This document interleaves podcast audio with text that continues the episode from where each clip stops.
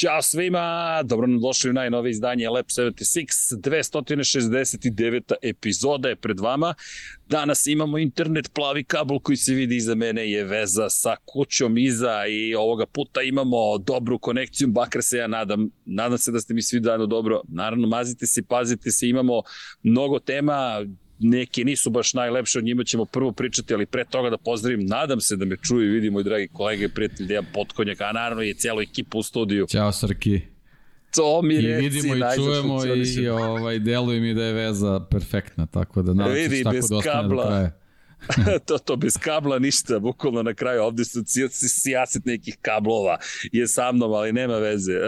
Kategorija 6 LAN i dobra veza i mhm. sad funkcionišemo. Tako da, nam, tako da super. da najzad je kako treba. Jesi mi dobro, deki?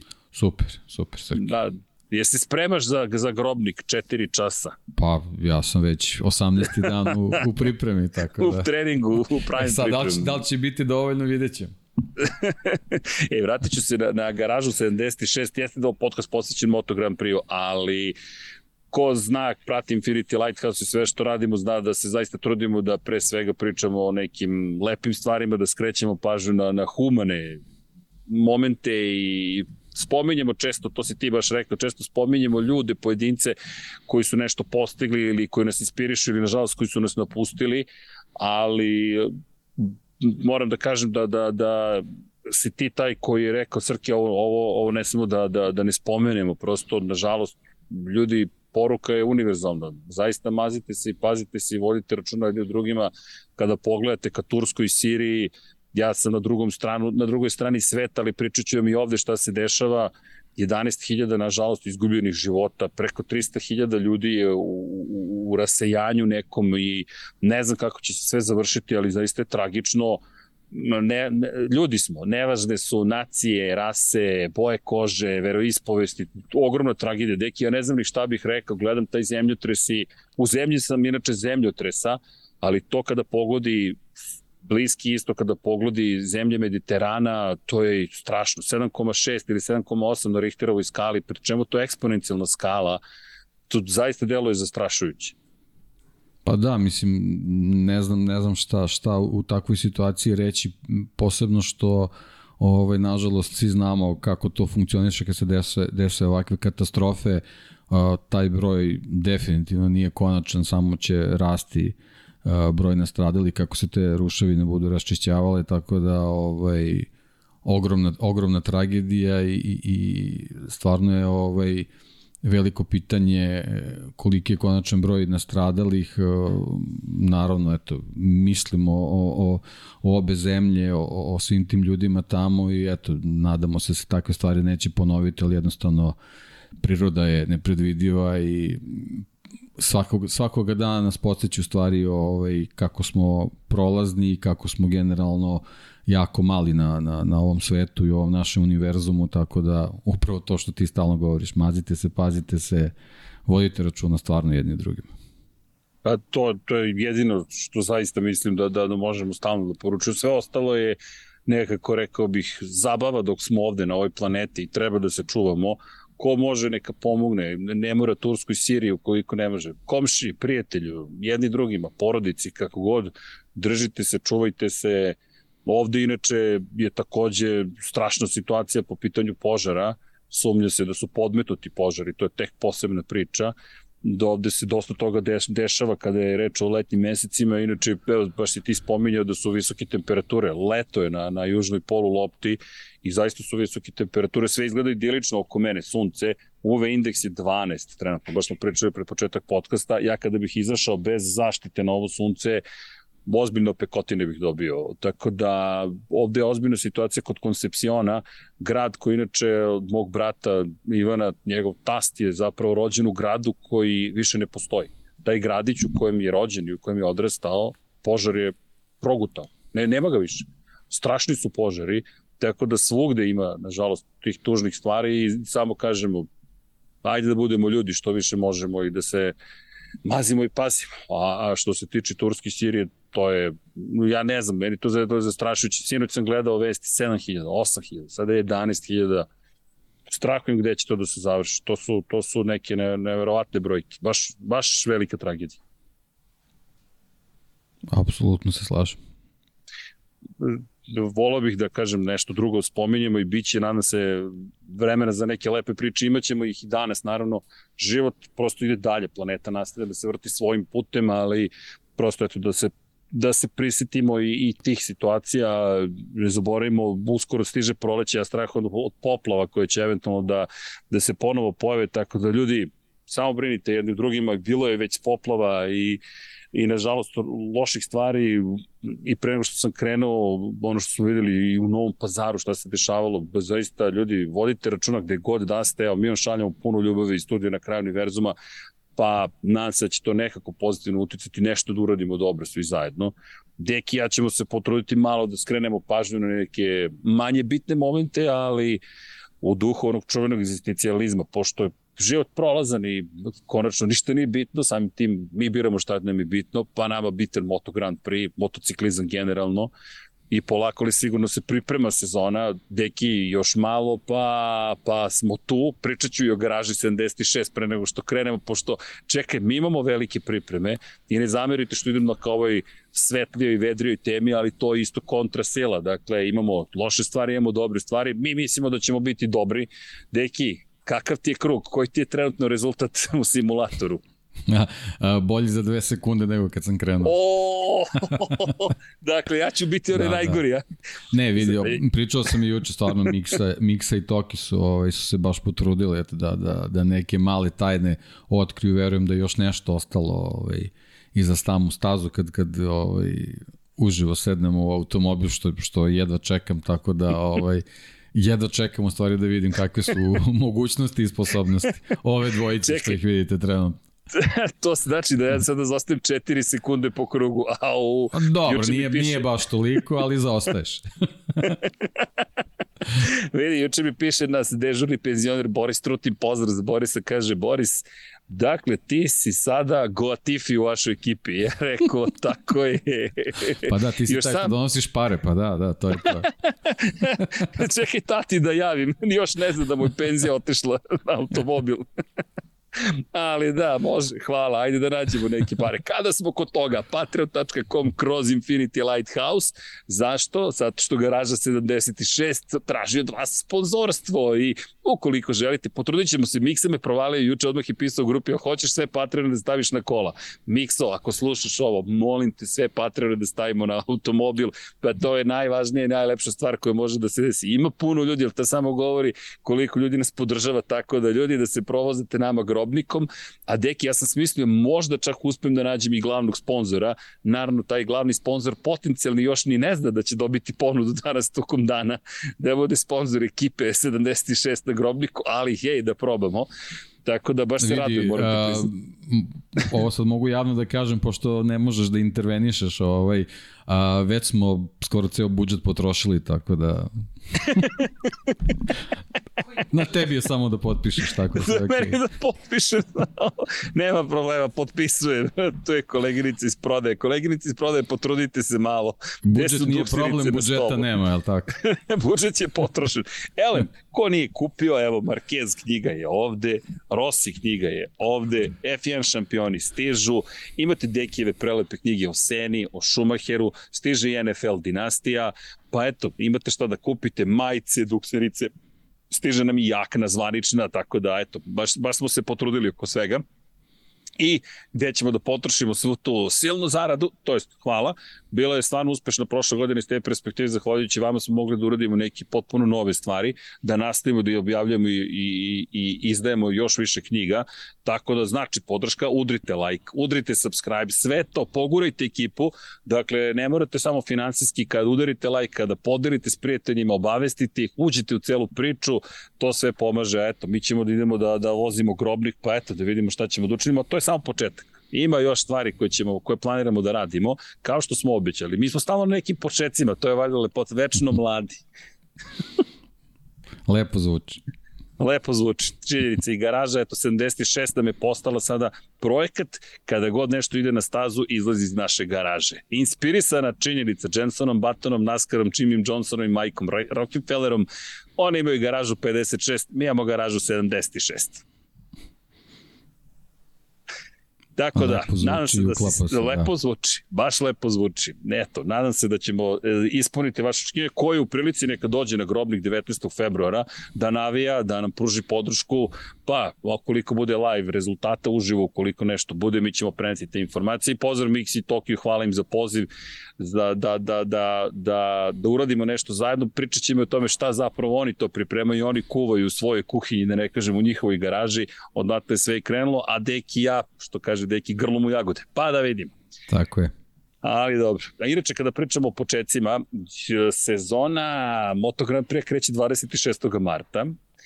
Mi krećemo sa Formula 1 5. marta, dakle prva nedelja marta Formula 1 otvara sezonu, Moto Grand Prix čeka Malkice, ide se u Portugal, ide se u Portimao, ali de facto sezona je već praktično počela. To je počela je prava zabava za one koji ne znaju, održani su takozvani shakedown testovi.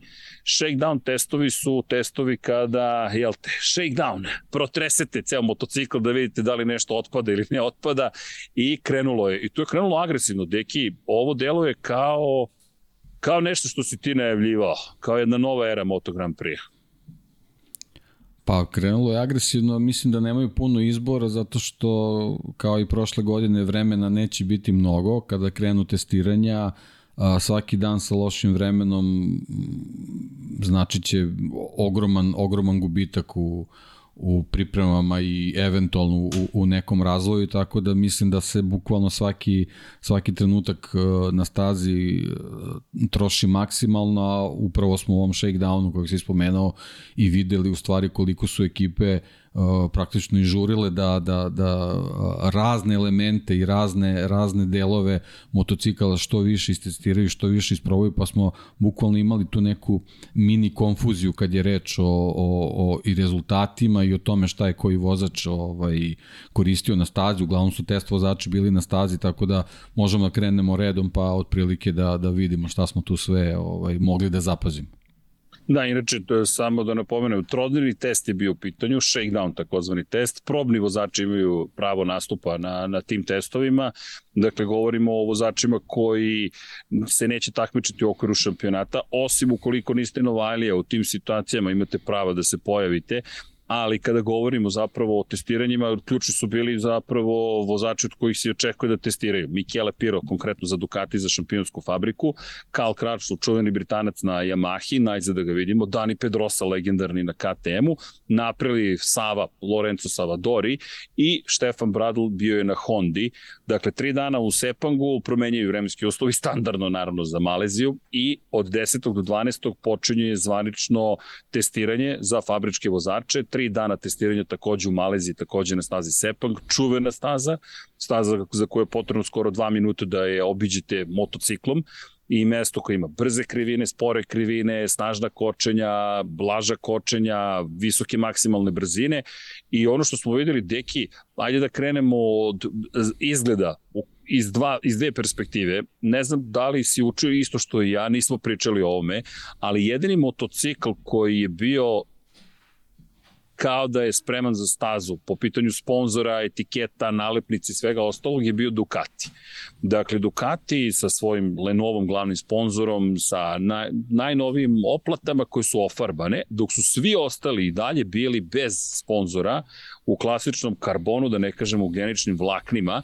Meni to delo je zanimljivo. Ti ja smo se pitali prošlog puta u Madoni di Campillo da li su nam oni stvarno predstavili motore za 2023. ili ne. Meni delo je kada su oni prilično spremni. Sad ne znam da li je to nešto što treba da brine konkurenciju ili da je raduju, da je Ducati možda ponovo nekako opušteniji.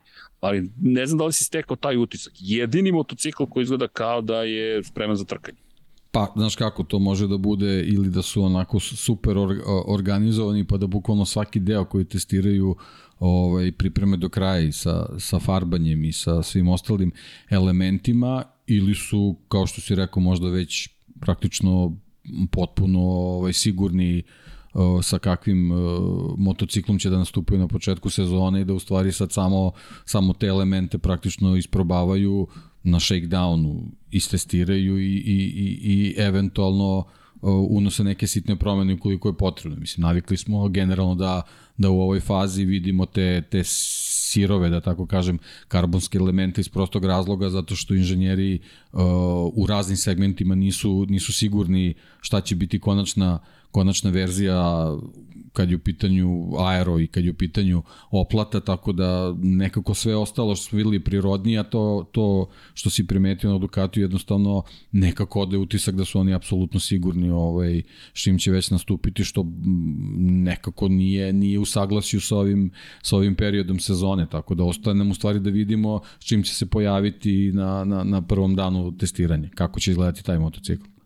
Da, inače, tokom ova tri dana, Yamaha je na dva dana bila najbrža, Karl Crutchlow bio najbolji, zanimljivo, maksimalna brzina je povećana u odnosu na prethodnu godinu i ono što su testirali su bila dva motocikla za 2023. jedan motocikl za 2022. Ono što je bila jedna od glavnih tema jeste zapravo taj novi agresivni motor kod Yamahe. 330 km na čas je bila maksimalna brzina i to je vrlo blizu onoga što je inače maksimalna brzina koja je zvanično zabeležena u Maleziji i kada pogledamo 2022. je 3 km na čas ovde bili sporiji. E sad, 3 km na čas je i mnogo i malo istovremeno, sve zavisi šta pokušavate da sustignete, ali mi je zanimljivo bilo zapravo koliko je sad opet priča Yamahi ista. Jedan test je super, sledeći test kao da se nisu nigde pomerili, ne bih nikakve zaključke izvodio, samo eto zanimljivo da su uspeli da budu da povećaju maksimalnu brzinu i da su bili najbrži to na, tokom kišnog testa. Mislim da će to obradovati Fabio Quartarara u pokušaju da se vrati na vrh. I da napomenem još jednu stvar, Augusto Fernandez je jedini Novajlija kojeg imamo ove godine u Moto Grand Prix-u i on je imao dodatna tri dana testiranja na zvanično gas-gasu, to jest na, na KTM-u, teh tri ekipe.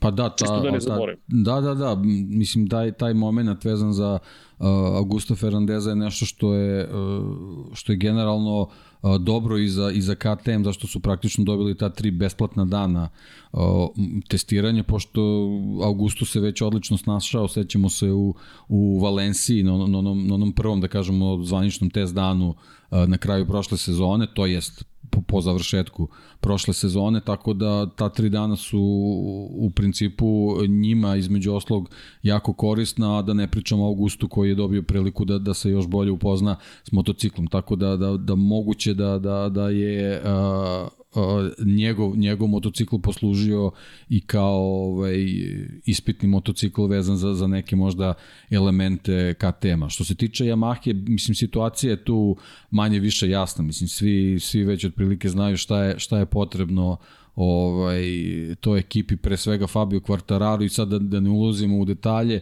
najvažnije što se njega tiče da dobije motocikl koji će imati performanse takve da on pre svega ne mora da se muči na stazi da bi da bi uh, mogao da dostigne svoje rivali, jer svako, svaka, svaka potreba da ide preko limita završavala se loše, loše po njega i videli smo na kraju krajeva kako se završila ta prošlogodišnja kampanja upravo iz tog razloga, zato što u svakom trenutku kad je bilo potrebno forsiranje, a bilo je mnogo situacija u kojima je Yamaha bila inferiorna, to se završavalo loše po njega i na kraju krajeva nije ostvaren taj cilj da se da se odbrani ta titula. Tako da ovaj, ima tu sigurno mnogo elemenata ovaj, na kojima Yamaha može da poradi, sad da li su oni uh, u mogućnosti to da urade, da li, da li jednostavno uh, uh, zbog svoje neke strategije mogu da prate filozofiju koju diktira Ducati, vidjet ćemo, ali generalno vizuelno kad pogledamo uh, to što je Ducati uradio generalno je ovaj, probudilo i pomirilo sve ostale rivale i vidimo sad da smo dobili ovaj jednu grupu motocikala, prototipova koji, koji su otišli u neku novu sferu.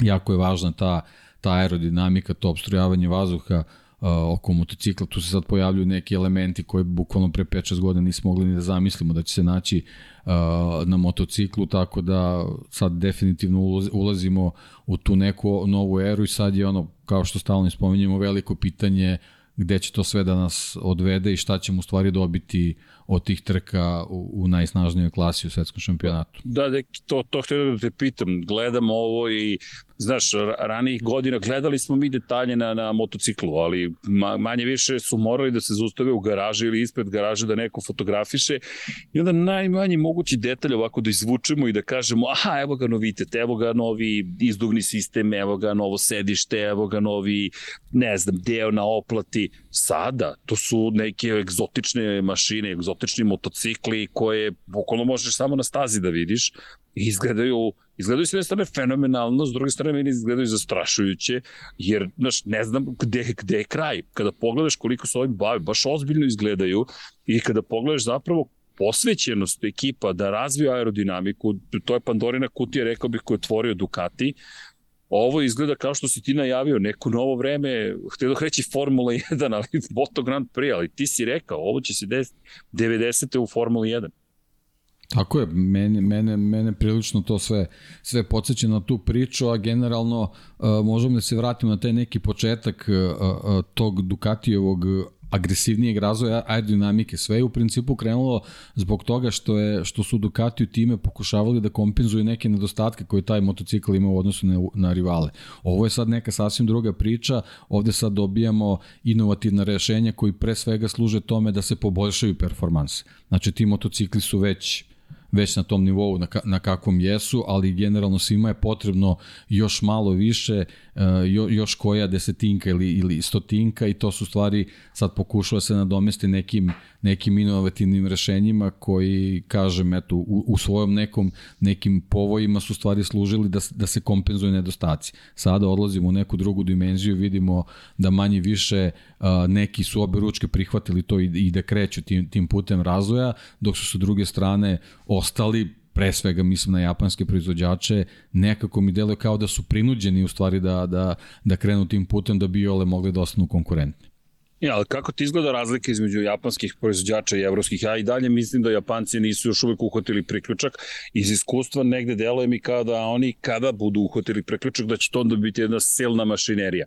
Ali trenutno mi izgleda kao da zapravo, čak ne nije evropljani samo. Mislim da, i to je nešto što smo spominjali, to, to je nešto što, što ti vidiš, neću da ti oduzimam misao, ali to je nešto što ti uočio.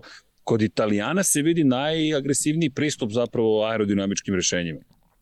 Pa vidi, meni, meni onako, ovako sa strane kad gledamo, deluje da su, da su evropski proizvođači nekako shvatili tu igru, to jest ne samo shvatili, Ducati je i postavio tu igru na, na ovu poziciju, oni jednostavno a, pokušavaju da svako krene u svom smeru vezano za, za tu filozofiju, pre svega mislim na aerodinamiku, dok na japanskim motociklima, na, na Yamahi, na, na, na Hondi, nekako te elemente u stvari vidimo kao kao elemente koji se preuzimaju sa, sa, sa, sa evropskih motocikla, kažem u stvari sa, sa drugih motocikala, gde su stvari kao, kao da se prinudno tu pojavljuju zato što jednostavno mora tako da bude.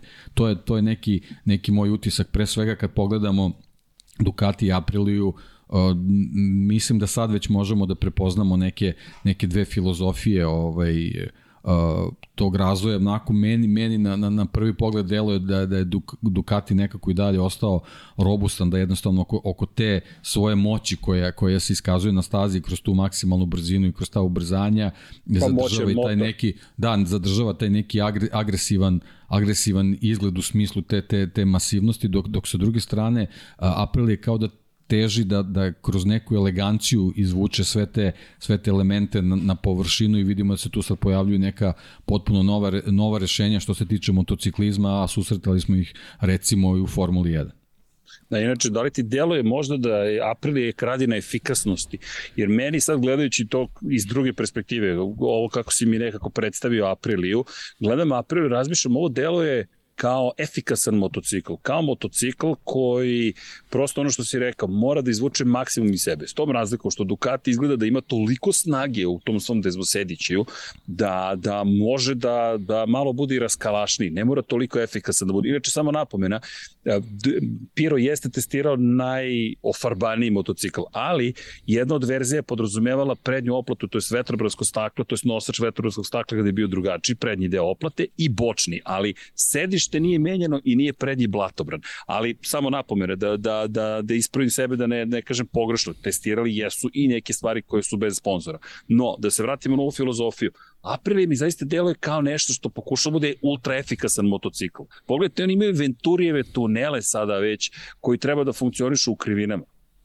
Pa upravo to, kao to što si, što si rekao, Ducati izgleda toliko moćan da, da, je, da se njihova filozofija bazira na tome da se sva ta snaga efikasno prenese na podlogu i da pritom ovaj, ne dođeš do momenta da, da motocikl postane nestabilan ili da ne poleti, kao, kao da pričamo nečemu na četiri točka, dok sa, da sa, dok sa druge strane uh, Aprilia već, već sa, sa prošlogodišnjim modelom je shvatila da je izuzetno važno da, da taj motocikl bude brz i efikasan bukvalno na svakom svakom metru staze, a to onda zahteva neku, neku eleganciju koja će ti doneti tu, tu ovaj prednost što se tiče ubrzanja i kroz krivine, ta među ubrzanja, prolazak kroz brze krivine i tako dalje i tako dalje. Mislim, tu je, tu je sad mnogo elementa koje, elemenata koje je potrebno da, da se o, uklope u jedno da bi taj jedan krug bio dobar pa puta 22, 23, tako da, da mislim da, da, da, da, da dobijamo dve filozofije gde ćemo vrlo brzo, ovaj, ja mislim, verujem već kroz trku dve na početku sezona u stvari dobiti odgovor koja je filozofija u ovom trenutku prava i da vidimo da li će uh, oni dobiti potvrdu na taj način što će ih neki drugi slediti ovaj, u, u, tim, u tim pravcima. Pa pazi, možda su obe filozofije prave, ako samo, ali, ali ćemo na dva načina doći do istog ili sličnog rezultata. Ja bih to volio iskreno ovaj navijački ja bi iskreno, krajnje. Tako je, ja bih iskreno volio to da se desi upravo iz tog razloga da, da dobijemo neki, neki, neki dueli na, i na toj osnovi, a da, da ne dobijemo ovaj, uh, da, jedan, jedan paket isto. koji, koji ima da, koji ima samo neke sitne varijacije, nego bukvalno da, da, da dobijemo neke, neke kontrasti, neke ekstreme koje u nekom konačnom zbiru mogu da daju ovaj, identičan rezultat, što bi za nas značilo ponovo dobri i neizvesne trke. Ne, ne, ovo kako je Aprilia napravila motocikl i, i kao što si rekao, ne znam da si to spomenuo sada, pa malo pre smo pričali, pre smo počeli o tome, kompaktan jedan motocikl. Znaš šta što me podsjeća na njihovu 250-icu? Kao da gledam RS 250, znaš, jedan spakovan motocikl, pri čemu, ako pogledamo, nije samo pitanje blatobrana, njihov blatobran sada se širi preko kompletnog zapravo prednjeg oslanjanja. Ti uopšte više ni ne vidiš zapravo ni amortizer, ti ne vidiš opruge, ne vidiš ništa od toga. To je opruga, opruga se ni ne vidi odavno ni nema zapravo, nego prosto ceo prednji sistem teleskopske te viljuške, ne vidiš viljušku više. Jednostavno ti imaš oplatu oko toga koja zatim usmerava vazduh, bok, ima da crtam sledeći put kad, kad se stignemo u Beograd, a onda to vodi ka nečemu što je kutija jedna aerodinamička koja se nalazi sa strane, nije čak ni klasična oplata, Da, postoje krila, ali ovaj motocikl, ne znam, meni obećao i mislim da aerodinamika zapravo, efekti aerodinamike su sakriveni ispod. I želim da vidim te tunele zapravo koji su organizovani, jer ovo zaista deluje kao, kao Formula 1. Da, da, ovaj, April je posebno da sad ne ulazim u, u, u, u te neke detalje, mislim ja bih više volao da o tome pričamo kad dobijemo konačnu, konačnu to, verziju to, motocikla, ali, ali definitivno je ovaj priča da su sad i, i, i inženjeri u Moto Grand Prix počeli mnogo, mnogo više pažnje da obraćaju, obraćaju na aerodinamiku i da, da, da ovaj, koketiraju sa tim obstrojavanjem vazduha od motocikla što samo pre, pre par sezona praktično nisu jednostavno vodili vodili pretarano mnogo računa o, o tome. Najvažnije je bilo da dobiješ što više snage iz motora i da, da, da, da, da sa tim nekim dodatnim aeroelementima praktično samo obuzdaš motocikl da može da iskoristi tu snagu. Ovo sad već postaje neka druga priča, velika snaga motocikla se dostigla, sad je samo, sad je u stvari važno da se dobije ta efikasnost tog čitavog slopa tako što će taj vazduh u stvari da, da obstrujava oko njega kako treba i da, da praktično vozačima olakšava ovaj, kontrolu tih presnažnih motocikala. Mislim, slobodno sad već mogu da ih nazovem tako. Da, inače ti si spomenuo nešto opet u ne, jednom privatnom razgovoru, ali kada pogledaš Hondu, na primjer, Hondine novo sedište ima repove kao kod Ducatija. Dakle, kada pogledaš rešenje za izduvne sisteme, sve više liči na, na, na Ducati zapravo i na nešto što smo videli kod Ducatija, to je, to je tvoje opažanje prethodnih godina i Ducati je definitivno lider u celoj toj priči. On je taj koga gledaš, slikaš i kažeš aha, ok, radimo ovo jer to je uradio Ducati. Pa, znaš kako, to je definitivno ovaj, neka potvrda te, te, te njihove filozofije koje u stvari ne podleže nekim radikalnim promenama, međutim sad su zbog, zbog čitave te situacije sa, sa prošlom sezonom i toliko lošim rezultatima, oni jednostavno moraju da preskoče nekoliko koraka da bi uhvatili priključak i to jednostavno ne, ne dozvoljava luksus da ti sad možeš bukvalno od praznog papira da kreneš i da, da, da radiš novi motocikl, nego jednostavno moraš da, da prihvatiš ono što imaš, da probaš da preuzmeš od drugih ono za što misliš da je efikasno i da je dobro, da probaš to da, da, da istestiraš i da jednostavno napraviš taj neki da ga nazovem prelazni paket koji će ti pomoći jednostavno da, da, da u sledećoj sezoni popraviš kompletnu svoju situaciju što se tiče rezultata, a da onda nekako opažanjima kroz sezonu stvari vidiš da nađeš pravi put, neki putokaz možda već recimo da, da u finišu sezone dobiješ neku osnovu koja će ti pomoći da od sledeće sezone ovaj, možda čak i nešto razvijaš uh, na svoj način. Ali što se tiče Honda, već smo i na ovim uh, na, na ovom shakedownu videli da su oni su se stvarno stvarno su se već po, već potrudili da da da dosta elemenata donesu što se tiče tih aeroelemenata da, da, da, da ih isprobaju u što je više što je moguće više kombinacija da bi da bi no, na, našli ovaj neku, kako bih rekao, osnovu sa kojom će da krenu u sezonu, opet sa druge strane vidimo i da su, što se tiče izduvnih sistema, ovaj, počeli prilično da, da eksperimentišu, što znači da, da, da su jednostavno i oni promenili, ušli su u, u viši stepen prenosta i shvatili su da stvarno moraju da se da se ubrzaju sa razvojem da bi da bi bili što što pre konkurentni, posebno zbog toga što što sigurno već dobijaju neki, neki, neki veći pritisak od, od Marka Markeza da, da se to desi. Opet sa druge strane, do, donose, do, došla su im i neka nova iskustva i znanje ekipe koje stigli iz Suzuki, tako da sad, sad to sve treba upakovati tako da, da taj jedan motocikl uh, od svih tih uh, uh elemenata uh, koji su došli sa strane uzmu ono najbolji na toj nekoj osnovi koje nije nije baš funkcionisala kako treba, dobiju nešto što će ove sezone biti mnogo bolje. Mislim, to uopšte nije jednostavan put, ali uh, uh, sa postepenim razvojem onoga što su imali do sad jednostavno nigde ne bi stigli i bukvalno moraju da preskaču korake da bi, da bi uhvatili priključak.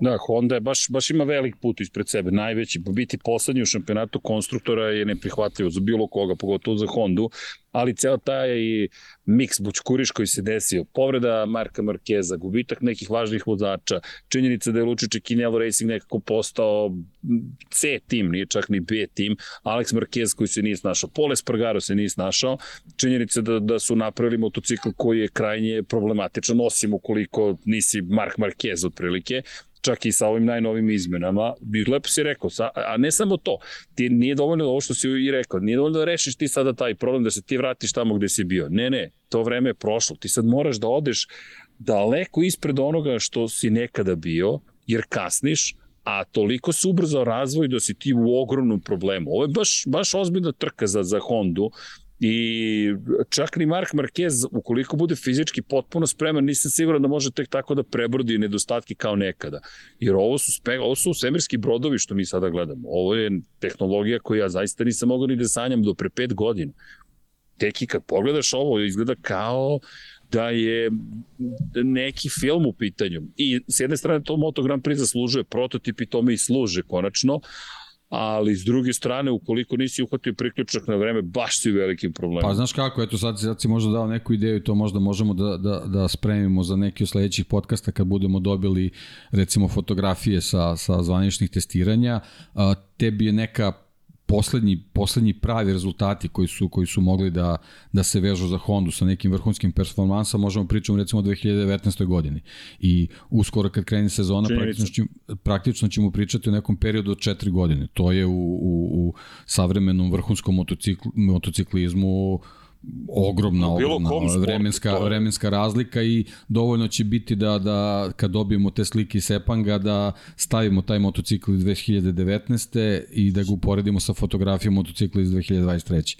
I tu će već apsolutno biti jasno kolika je potreba da, da se napravi ogroman korak napred da bi da bi ovaj Honda mogla da da da se vrati e, rezultatski na na na poziciju koju je imala, a sa druge strane te 4 godine apsolutno znači da je Mark Marquez stariji 4 godine. Uh, E, samo biološki to da se desilo, to, to bi bilo već, već dovoljna i velika e, razlika koja od njega iziskuje napor da, da ostane na, na, na svom nivou, na, kak, na, kakvu, na kakvu smo navikli što se njega tiče, međutim sve ove povrede koje su ga zadesile su dodatno zakomplikovali situaciju, da ne pričamo samo znači, o, o, o tim teškoćama da se vrati u fizičku formu, koliko o tim nekim detaljima kao što su eventualni čak i eventualna i promena vozačkog stila koji dolazi u trenutku kada on treba i da, da da ovaj priprema novi motocikl. Znači mozak funkcioniše na jedan način, navikao na jedan stil vožnje, a ti u stvari možda i na stazi moraš da, da, da pružiš nešto drugo i da, da, da, da, da sagledaš šta je to drugo i da to primeniš na motociklu, pre svega zbog toga da bi mogao da, da učiš da još postoje neke, neke sitnice koje se tiču promena za, za, za neki napredak u nekim detaljima koje će doneti tu, tu te, te, važne desetinke koje su bitne zbog, zbog hvatanja priključka sa, sa pre svega Dukatima. Tako da u, u više parametara oni moraju, moraju da se slože, a da ne pričamo o tome da zbog čitave te krize sad ima i tog, tog, te promene u menadžmentu da je jako bitno da, da Honda počne na taj način da funkcioniše kako je nekad funkcionisala, a za to nema jednostavno toliko vremena zato što sezona vrlo brzo počinje i, i što se njih tiče izuzetno je važno da, da u Sepangu ovaj, na ovim testiranjima rezultati budu zadovoljavajući, ali ako slučajno tu još dođu do, do nekih ovaj, zaključaka da to ne ide u dobrom smeru, mislim da neće biti spremni da, da, da to sve isprave do početka sezone. Zato im je jako važno da, da sad, a videli smo na shakedownu koliko je tu verzija bilo da, da dođu do neke do neke osnove, do, do nekog temelja da, da, da u Sepangu mogu da da ovaj da u stvari da posle Sepanga mogu da da se pripreme za početak sezone na pravi način i sa pravom verzijom motocikla. Da, baš imaju puno da testiraju. Testirali su različite verzije, sedište, taj, zovu ga Stegosaurus, pošto je to, jel te, da liči na rep Stegosaurusa, Ducatijevo, Zmajevo rešenje. Eto, došli smo do dinosaurusa na kraju, mhm. do, do, do, do parka iz doba Jure, ali ne znam da li je baš Jura, ne znam koji je period, ali Honda je testirala i jedno i drugo i treće i peto, Štefan Bradl naporno radi, čekaju se i Marka Markeza, čekaju naravno, čekamo da imamo Joana Mira, 22. februara, inače zvanična prezentacija u Madridu, tako da oni idu u Maleziju, završavaju test 10 dana kasnije u Madridu i to mi isto zanimljivo, pazi, ma, preselio se u Madrid čovek iz Barcelone, momak koji navija za Barcelonu, momak koji je i ponosni katalonac, živi u Madridu jer tamo su bolji medicinski uslovi bili za oporavak. Sad je prezentacija u Madridu, znaš, mnogo je to promene kada pogledaš. Ken Kavući, novi tehnički direktor, zamenio je u celoj priči Takeo Yokoyamu. Ti juriš motor neki da stigneš koji niko nima, ovo što si rekao, prilagođavaš se nekom novom stilu vožnje, a istovremeno si Honda, nema tu odustajanja, ti moraš da budeš gigant. Ma meni je to sve super iskreno, jer on sprema super sezonu. S druge strane, Yamaha i Quartararo koji se nadaju da li ćemo imati veću maksimalnu brzinu ili nećemo, Ducati, i da inače, a pazi šta, šta ti sve moraš da postaneš u Moto Grand Prix, koliko je? Mislim da je titula sada postala zaista titula Formula 1. Da citiram ako se ne da, mislim da je to Nelson Piquet rekao da od tvojih omiljenih vozača, ako ne i omiljeni, da biste postali šampion, najvažnije je da imate sreće. Rekao je, ali Nelson Piquet uvek bez laki na jeziku, kaže, možeš ima mnogo vozača koji bi mogli da budu šampioni sveta, ali da biste zaista došli do titule moraju sve stvari da se poklope, da imate pravi automobil, da imate prave gume, pravu ekipu, da budete u pravom trenutku na pravom mestu. I deluje mi da sada za vozače to postaje zapravo izazov, da ti, ono što je super u odnosu na Formula 1, više timova može da, da dođe do titule, ali mora sve da se sklopi. Dakle, Michelin će menjati gume, to je smanjit će za jedan tip, to je jednu, jednu čvrstinu, zapravo čvrstoću gume, ajde da kažemo tvrdoću gume, zadnje pneumatike i ti sad moraš sve to da sklopiš. Dakle, moraš da imaš ekipu koja ima dobru elektroniku, koja je dobra s gumama, koja ima dobru aerodinamiku, koja ima dovoljno jak motor, koja ima dovoljno dobrog šefa ekipe da ne pogreši kao što se na Tajlandu desilo, ili Diego Gubelini je odličan, ali jedna greška može da te košta titule, dakle to moraš da sklopiš, onda moraš da imaš klubskog kolegu, jer to je sad Fabio Quartararo počeo duel sa Banjajom, već mu je poručio, ne poručio njemu, ali je pričao o tome, pa bit će zanimljivo vidjeti dinamiku između Neye Bastianinija i Francesca Banjaje. Rekao je, vidi, oni su najjači tim, pobedili su 11 puta, ali kad je tvoj klubski kolega brži od tebe, to je zanimljivo. Dakle, on već poručuje nje, pazite, sad i psihološki igri, moraš da dodaš u celu priču, oni su uvek postojale, i sve to da sklopiš da bi osvojio titul.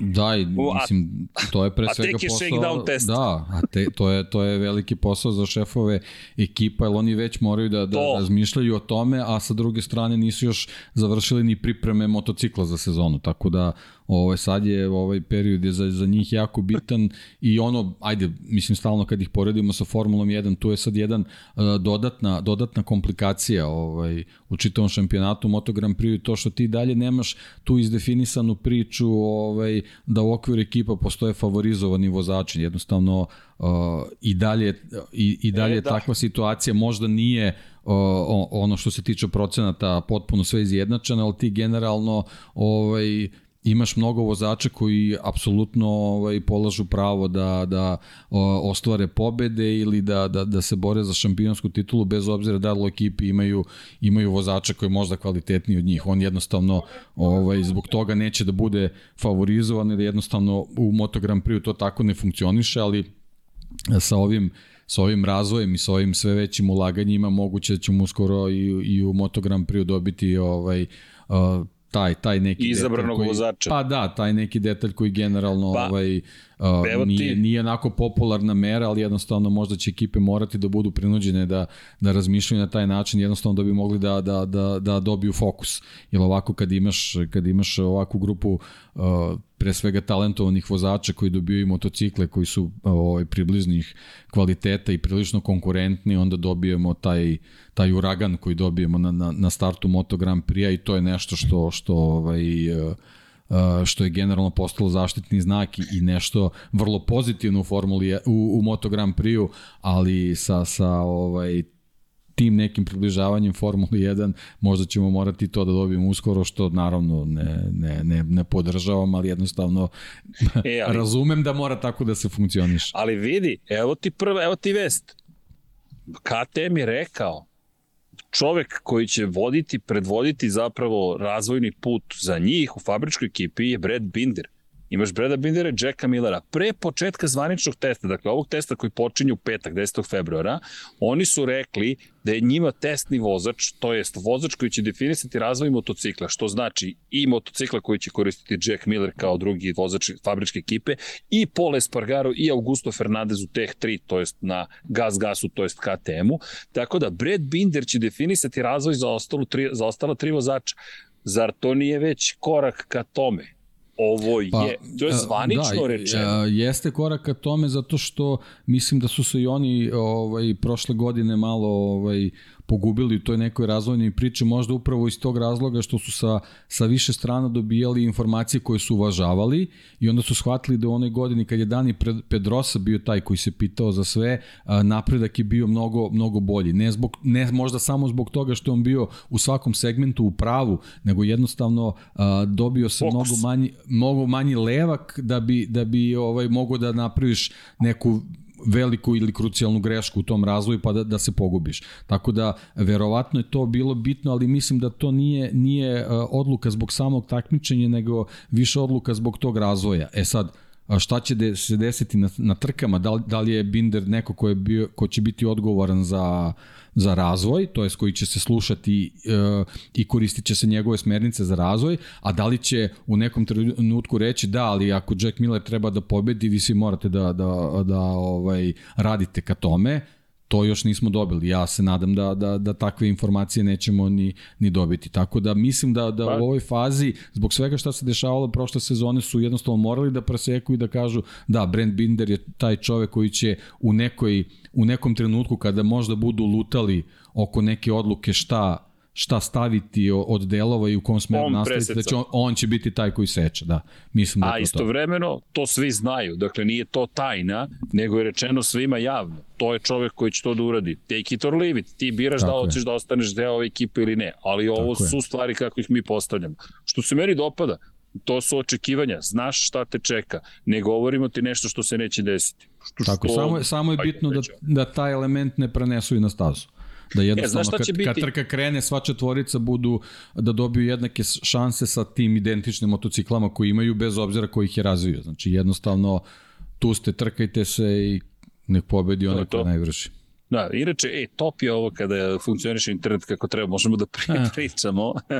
to je zabavno, ali ima jedna bitna stvar u celoj priči. Dakle, šta meni daje nadu da će to vrlo teško i preneti na stazu? Sami vozači jer kada pogledaš svaki od tih kombinacija, svaka od tih kombinacija u fabričkim timovima je prilično izjednačena, možda izuzetak je maha, izjednačena makar po zvučnosti vozača. Dakle, pa, fa, šampionski Ducati, imaš Francesca Banjaju koji je šampion i imaš Eneo Bestinini koji je imao najviše pobjeda posle Banjaje prošle godine. Dakle, mi govorimo o nekome ko je zapravo na, kao privatnik bio drugi najbolji po pitanju pobjeda. Dakle, deluje mi to izjednačeno.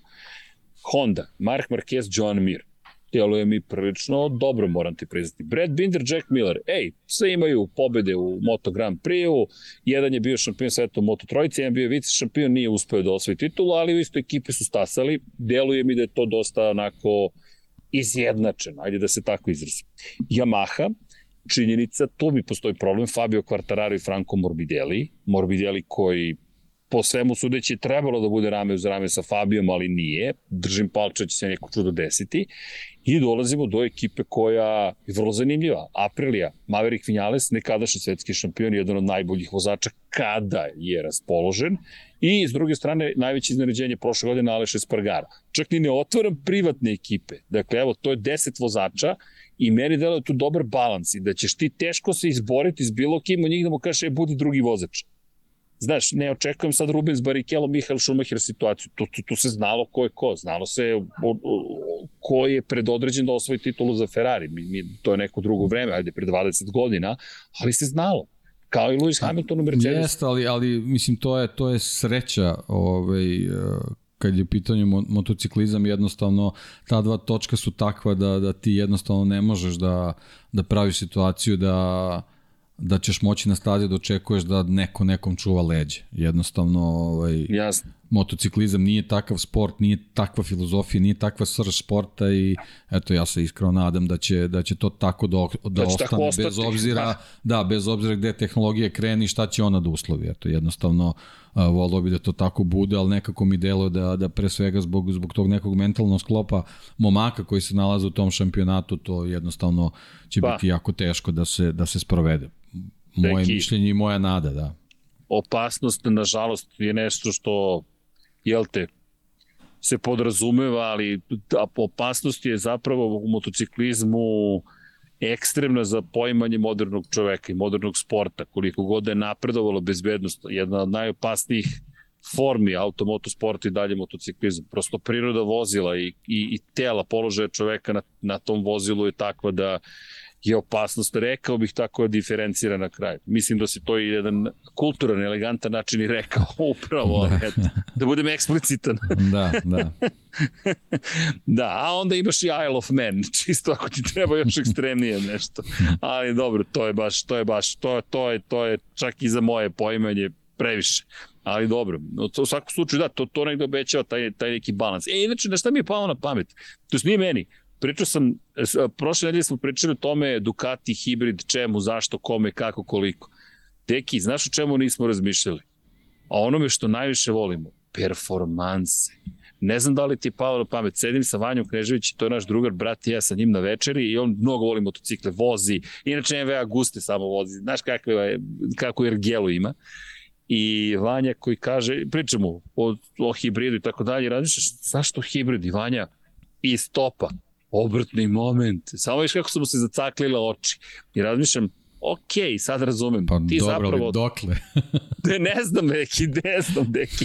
Ali, znaš, ti zapravo hibridom bi mogao da dovedeš do toga, ne znam, za sekund si na 100 km na čas. Jer ti sa tim obrtnim momentom, sa elektronikom koju oni imaju, a zamisli kao će elektroniku imati Ducati kroz trkanje elektromotora. Ja ne znam to ni da zamislim. I onda to spojiš sa motorom sa unutrašnjim sagorevanjem u hibrid ultra efikasni. Uf. I onda se Uf. držiš i dalje samo za dve ručice.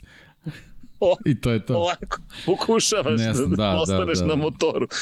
ne znam, kažem da ajde da vidimo gde će to sve da odvede, ali, ali nekako su oni su s performansama već stvarno što se tiče nekih, nekih ljudskih ograničenja, mislim Bukovno. da su već tu negde, tako da ne, ne pa biće ti ovaj, potrebna uvek, posebna uvek dozvola postoji da neka, neka mogućnost da, da, da se ode dalje i ono, to možemo samo, samo da zamišljamo, ali ono, stvarno je pitanje dokle. Mislim, šta kao 360 na sat nije dovoljno. ne, ne znam, deki, ali ne, ne, sad smo na ubrzanju, čekaj, sad idemo na da, da ubrzanje, da, da, još veće ubrzanje, da. a onda kroz aerodinamiku iz MotoGP-a, a sad više u krivini šta mogu da postigne, ne, ne, još gume i sve ostalo, ma ne, to strašno, ali vidi, s jedne strane i ti ja volimo performanse, volimo trkanje, to ono što neko uzbuđuje, ali kad mi je rekao kao, ja ga gledam, razmišljam, bože, koliko smo, neću da kažem tešku reč neku, ali bili slepi možda pored očiju i ti ja smo se bacili u zeleniš, a, a Vanja samo je razmišljao performansam. Pitaćemo Dalinju, iz Vintečika Dalinja, da li je ovo samo za performanse. Pretpostavljam da će to biti odgovor. Ne, vratno će reći ne zbog ekonomičnosti. da, da. Sigurno, sigurno. Ali da, to mi je palo na pamet, rekao, ajde da, da, da to ne zaboravim, da ti spomenem.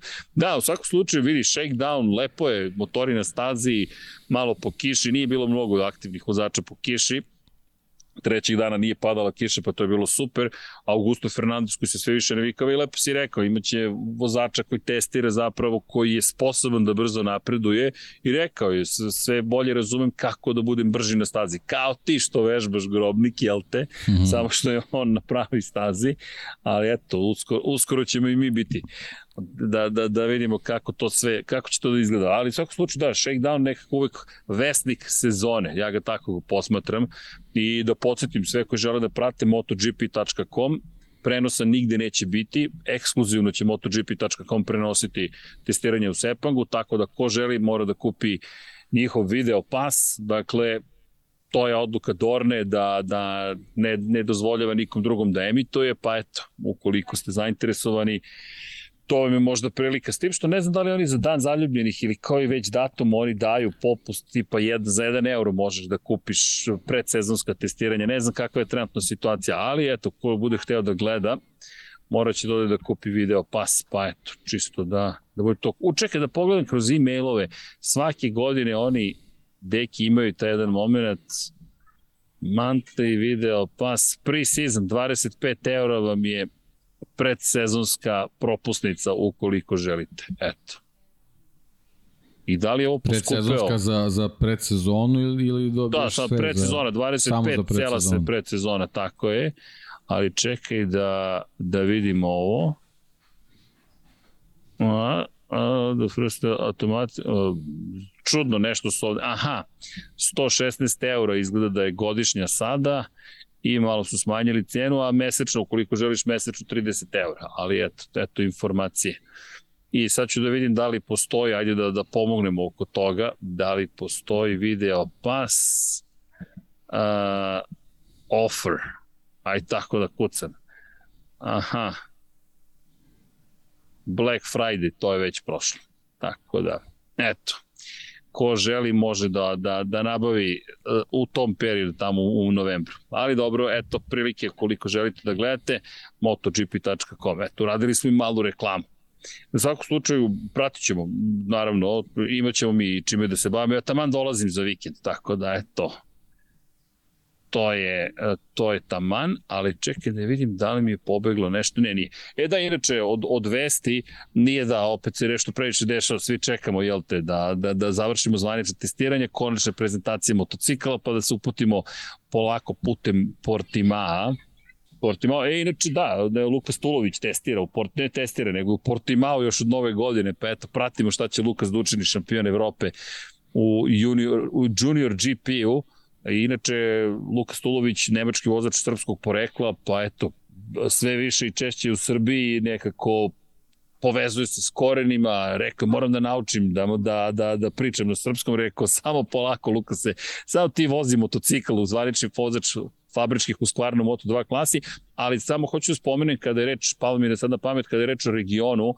od ove sezone u šampionatu nekadašnjem Evrope, to je bio šampionat Evrope od ove godine Junior GP, vozići Martin Vugrinec iz Hrvatske. Tako da eto, čisto da ne zaboravim da, da će te imate priliku na Junior GP-u da pratite Martina, pa eto. Čisto podsjećanja radi, da to mi ne pobegne kao misa. Inače, što se tiče ostalih priprema, uglavnom svi se polako pakuju, idu za Maleziju ili su već stigli u Maleziju, neki su Indoneziji, konkretno Alex Marquez je u Indoneziji i jedna bitna napomena, šta to možemo da očekujemo, to jest zapravo šta je neka vrsta, da kažemo, plana za ono što nas očekuje u, u Maleziji, dakle kakav je plan za ono što dolazi, dolaze svi fabrički vozači naravno, testiraće se uglavnom jel te motori kod Yamahe, oplate, ostali, nisam siguran koliko će menjati motori ili ne, svakako očekujemo neke izmene. I evo, čisto da napomenemo, kada je reč o, o, o testu Aprilija, će nastaviti da donosi neke nove rešenja. I da, kada je reč o Aprili, deki, trend koji je uvela Formula 1 inženjeri, to nismo spomenuli, pričali smo o tome, inženjeri iz Formula 1 su stigli tamo, Yamaha je angažovala ljude iz Formula 1, KTM je takođe angažovao ljude iz Formula 1, tako da taj transfer znanja, tehnologije definitivno stiže, ajde uz ovu priču sada i o Fordu i Red Bullu u Formuli 1, Honda možda se okrenu potpunosti sama sebe. To, eto, to mi je zanimljivo. Nisam video da je Honda iskoristila svoje resurse iz, iz Formule 1. Pa da, mislim, to je sad neminovno da, da će do tih nekih ovaj, uh, saradnji doći pre svega zbog toga što su uh, što je neminovan ubrzan razvoj nekih elemenata tako da uh, moguće da će da će ovaj da da, da posegnu ka tome pre svega zbog toga što, što nemaju, nemaju potrebu tu sad da izmišljaju toplu vodu, jednostavno će imati prilike da, da iz saradnje kod, kod nekih uh, suparničkih ekipa u stvari vide da li, da li to ovaj, uh, pije vodu ili ne, tako da oni to pre svega zbog tog nekog uh, HRC-a koji, koji sad funkcioniše ovaj, uh, kao kao jedna kompanija praktično mogu mogu vrlo lako da da se prilagode tome ukoliko bude bilo potrebe ali definitivno ovaj taj taj napredak koji koji koji stiže će jednostavno usloviti da da je možda potrebno ponekad iskoristiti te resurse kako bi što pre došao do do do nekih promena koji su jednostavno neophodne u određenom trenutku. Da, i kada pričamo još o ovim testima pred nama, očekujte da ćemo vidjeti zvanične boje. E da, još jedna vest, čisto da iskoristim priliku. Lin Jarvis se pojavio na, na Instagramu, ne znam koliko je to sada značajno, ali mislim da vredi da ga zapratite ukoliko ste baš pravi ljubitelj Moto Grand Prix-a, pošto je to zvanični nalog zapravo Lina Jarvisa, šefa Yamahe, čisto sumnjam da je on taj koji postavlja da, stvari. Nekoga je posavjetovao da to uzme, da. da, da, a nešto mi je zanimljivo, zapratio sam ga pre Fabija Kvartarara. Jer Lin je nešto izbacio i nemam pojma uopšte kako, kako sam provalio da je izašao na Instagram nekoga je tagovao, ja mislim, na, na, na, na, na predstavljanju motocikala i rekao, ali Jarvis na Instagramu i Fabio je dobio izgleda zadatak da ga malo pogura na društvenim mrežama i onda je repostovao kao šef se pojavio na društvenim mrežama, zapratite Liran Jarvis. Mislim da nas i dalje, da ga prati dalje do 15 ljudi otprilike. ba, Ajde, ne, evo da ga zapratim i ja čak, da mogu da mu pomognem. Da Lin Jarvis, donja crta official. Aha, čekaj. Nije, evo, skočilo na 2000, a pomoglo je to. Čekaj, za, kako nema postova? Ne, nije to onda on. Čekaj, gdje je Lin Jarvis? Moram da ga nađem, ali Fabio je postovao. Uh, čekaj. Pa gde 472 followera ima. Je li to? A je Uh, pa, pa ne, ovo je fan da page, da nije ovo, ovo je fan page. Ne, ne, ne, ne, ne. Instagram Lin Jarvis Team Principal, samo da vidim da li je ovo. Pa nestade čovjek, nije valjda nestao sa, sa, sa, sa ima Instagrama. Ima Lin Jarvis Official, uh, ima 2000 follower, ali nema ni jednu objavu. Da, nema ničega. Da. Lin Jarvis, da li je on to, ne, ima dva, Lin Jarvis tačka official, e, Lin Jarvis tačka official. Ali to piše da je fan page. Ne, ne, ne, nije fan, a fan, pa, ali to je postovao, Fabio je postovao ovo kao zvaničan nalog. E, pa ne znam. E, pa sad stvarno ne znam više ko, šta je Fabio, možda se Neću Fabio šalio. Neću još da, da zapratim nemoj, nikoga, nemoj ne još. vidim sigurno šta je. Dobro. Nemo još, Dobro. ali je fotka iz... Uh, pff, Pa zanimljivo, fotka je baš iz Sepanga. Ko zna šta je skupljeno? U svakom slučaju, Fabio ga je postovao, pa sam ja shvatio da je to onda zvanično. Ali eto, možda greši. Kako možda je Fabio god, pogrešio, ko zna ko zna, možda su i njega navukli barabe. E da, inače, ljudi vodite računa kada je reč o Netflixu, počeli su da mi stižu SMS poruke da mi nije prošlo plaćanje za Netflix i onda link ka sajtovima tipa osveži karticu.com i slično. Obnovi pretplatu.rs. Ne klikćite na to i ne unosite brojeve svojih kartica, molim vas čisto da napomenem. Ali, društvene mreže, sad mi pada na pamet, tema koja uopšte nije nezanimljiva, dosta se priča o Marku Markezu na, na španskoj televiziji, pričao o incidentu sa Valentinom Rosijem iz 2015 ali pre nego što bih se dotaknem te teme, to je uvek kontroverzna tema, evo zajedno su i kao knjige pš, Marquez Rossi. Dakle, Mark Marquez koji je rekao zapravo da on uopšte ne gleda ništa na društvenim mrežama, da ne čita komentare na Instagramu, da na Twitteru, rekao je za, za Instagram teško mu je bilo da, da čita na Instagramu, ali za Twitter je rekao toksično je bilo. Imao je, na Twitteru je bio sam svojevremeno, to je sam je koristio nalog, sad kaže ništa od toga ne radim, imam menadžera za društvene mreže, njega obavistim šta mora da postoje i to je to. Ali ako vam odgovori Mark Marquez, ne zamerite, nije Mark Marquez, verovatno je u pitanju menadžer sa društvene mreže Marka Markeza, pa eto, samo koliko je rekao da je mu je bilo mnogo teško da prati zapravo što se zbio na društvenim mrežama u kontekstu te reči koje su upućene ka njemu, i bez obzira na svu podršku jednostavno rekao mnogo mi je lakše i bolje i fokus mi je mnogo bolje od kada uopšte nisam na društvenim mrežama. Ogromno da, pri... to je jednostavno, to je sad već stvar te, te neke nove generacije koji ti vozači pripadaju, jednostavno i društvene mreže su postale ovaj, ozbiljan medij gde je jako važno imati dobru PR službu koja će da se bavi time. Jednostavno, uh, sportisti koji su tim nekim vrhunskim kategorijama, pre svega zbog svojih obaveza, ne mogu da imaju vremena za to kao što se i ranije nisu bavili radijom i televizijom nego su postojale osobe koje su to radile za njih oni su samo dobijali informacije gde treba da se pojavi na koji način da, da, da prezentuju to šta, se traži od njih tako da mislim da sad društvene mreže već ne, ne sad mislim poodavno već spadaju u tu kategoriju tako da ovaj upravo to što je on rekao, stvarno ponekad mogu da budu toliko toksične da, da, da, da umeju da, da, da ti ovaj, naprave problem i u, i u karijeri, tako da ovaj, mislim da je jako važno imati osobe koje će da vode računa o svemu tome, da jednostavno vozač takmičar generalno sportista ostane fokusiran na to čime čime ovaj treba da se bavi u svom poslu, da to u stvari bude samo neka stvar koja jednostavno potpada pro, pod uh, public relation, tako da ovaj potpuno mi je ono prirodna ta odluka i, i u stvari to njegovo, njegovo priznanje da u stvari on nije ta osoba koja se time bavi, već da postoji neko u njegovom timu koji je, koji je zadužen za to. Da, nego samo eto, još jedno bojno polje razmišljam da je u pitanju i kada pogledaš od uvek su navijači naravno igrali svoju ulogu na stazi, navijajući za ili protiv, zvižduci, aplauzi, kako god sad je to postalo svakodnevno i u svakom minutu praktično. Samo mi je zanimljivo i, i iz te perspektive šta sve moraš da savladaš u modernom svetu. Svi su pod ogromnim pritiskom iz te perspektive, umjesto da se zabavljamo, zabavljajte se na društvenim mrežama, to postade novo bojno polje. A kada pričamo o bojnom polju, na španskoj televiziji dobio to pitanje iz 2015. Sada je već 8 godina, to je 7 i par meseci kada su imali taj čuveni duel što u Maleziji, što u Valenciji i kada govorimo o, o, o, o celoj toj situaciji, stvar koja se nikad neće rešiti, makar meni tako deluje.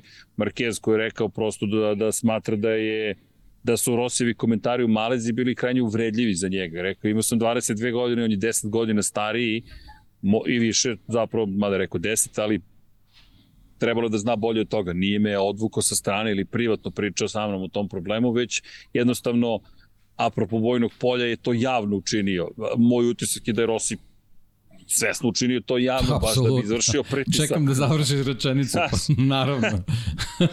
Kao, nije me odveo sa strane. Uh, well, yes, da, to je ideja.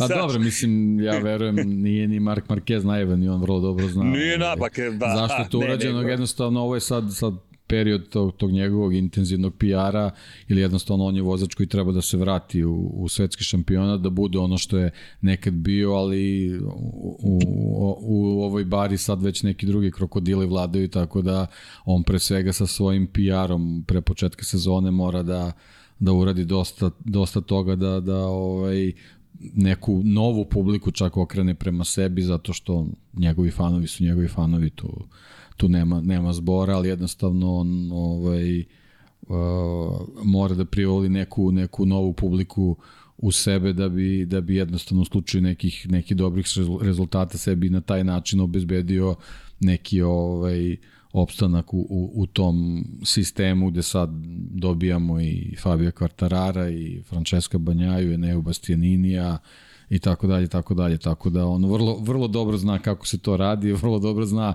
zašto je Rossi u određenim trenucima nešto radio, svi mogu da uče od njega, to smo već već ovo je davno pričali, tako da ovaj, sve su ovo neke igre koje su potrebne u određenom trenutku da se igraju i svi vrlo dobro znaju ovaj, kad je moment da se, da se neke stvari izgovore, tako da meni ovo nekako situacija koju ćemo vjerojatno svake godine iznova iznova imati, ovaj, gde će se iskopavati ta 2015. sve dok Mark Marquez bude na gridu. Ne da, mora da se, makar ne jednom godišnje, makar jednom mesečno spomeni cela priča i kaže, čekaj, šta se desilo? To, to, to, to, to i to, okej. Okay. Da.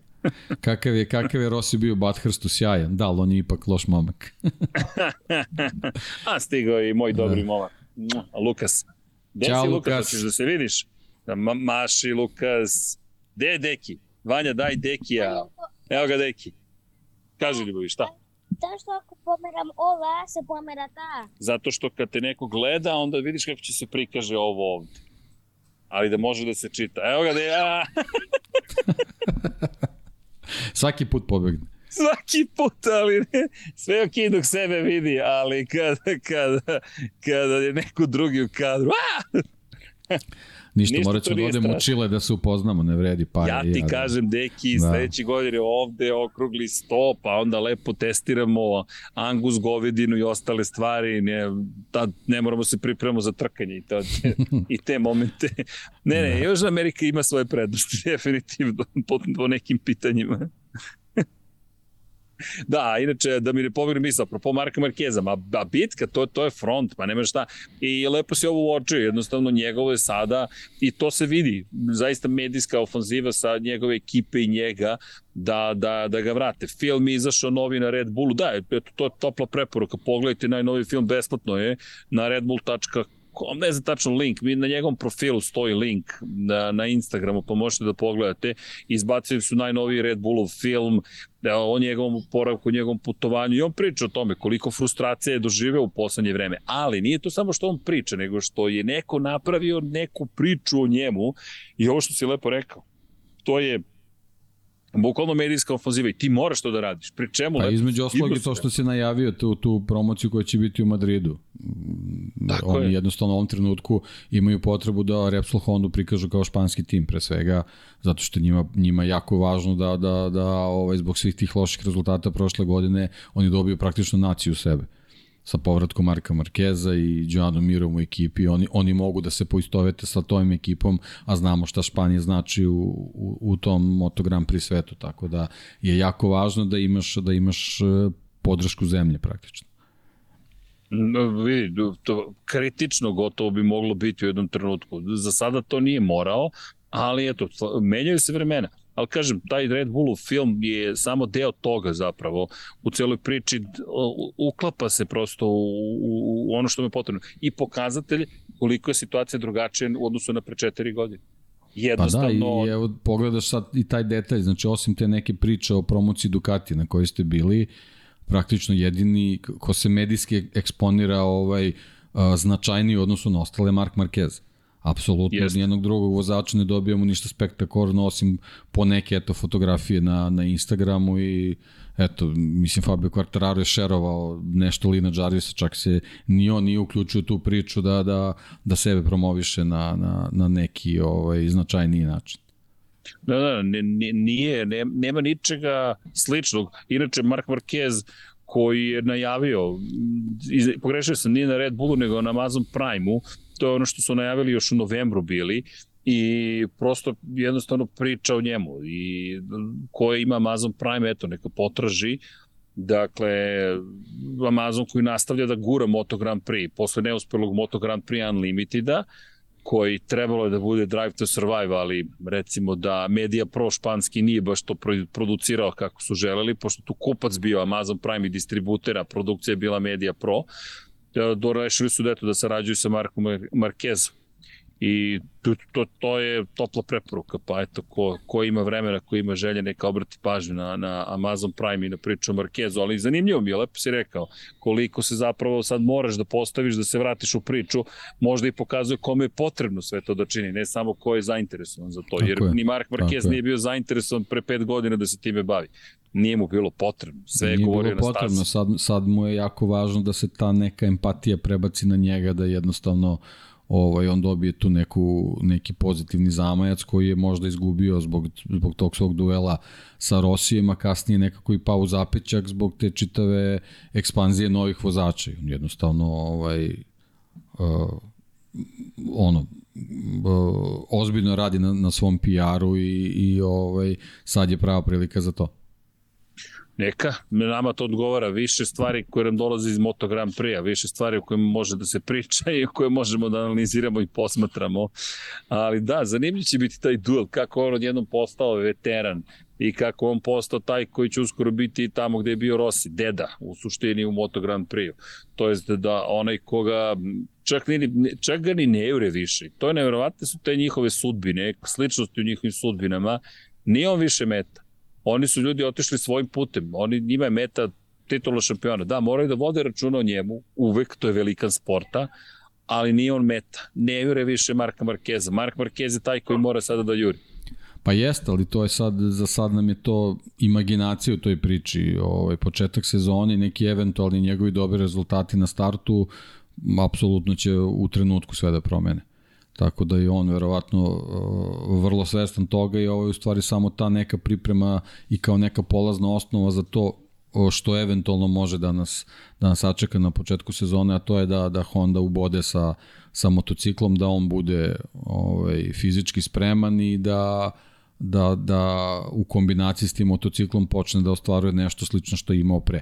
Tako da vrlo, vrlo lako on može da postane ovaj ponovo meta, opet sa druge strane može da se desi da, da, da to ode u neku, neku sasvim drugu krajnost i da, da jednostavno ne bude više ovaj, u epicentru te priče. Što naravno znamo kakav je on, to smo milion puta ponavljali, jednostavno to nikako ne ide uz njegov mentalitet i on će se boriti do, do, do, do, do, do poslednjeg svoga duta da, da se vrati tamo gde je bio.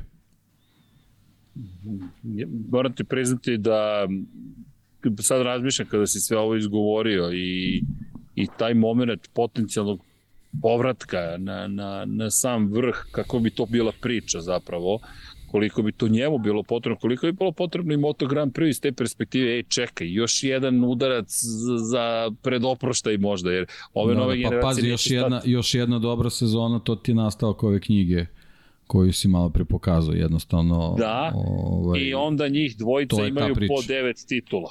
9-1, 9 drugi. Za sada je 9-8 u titulama. I to je ta isto, verujem, agonija i frustracija o kojoj je pričao.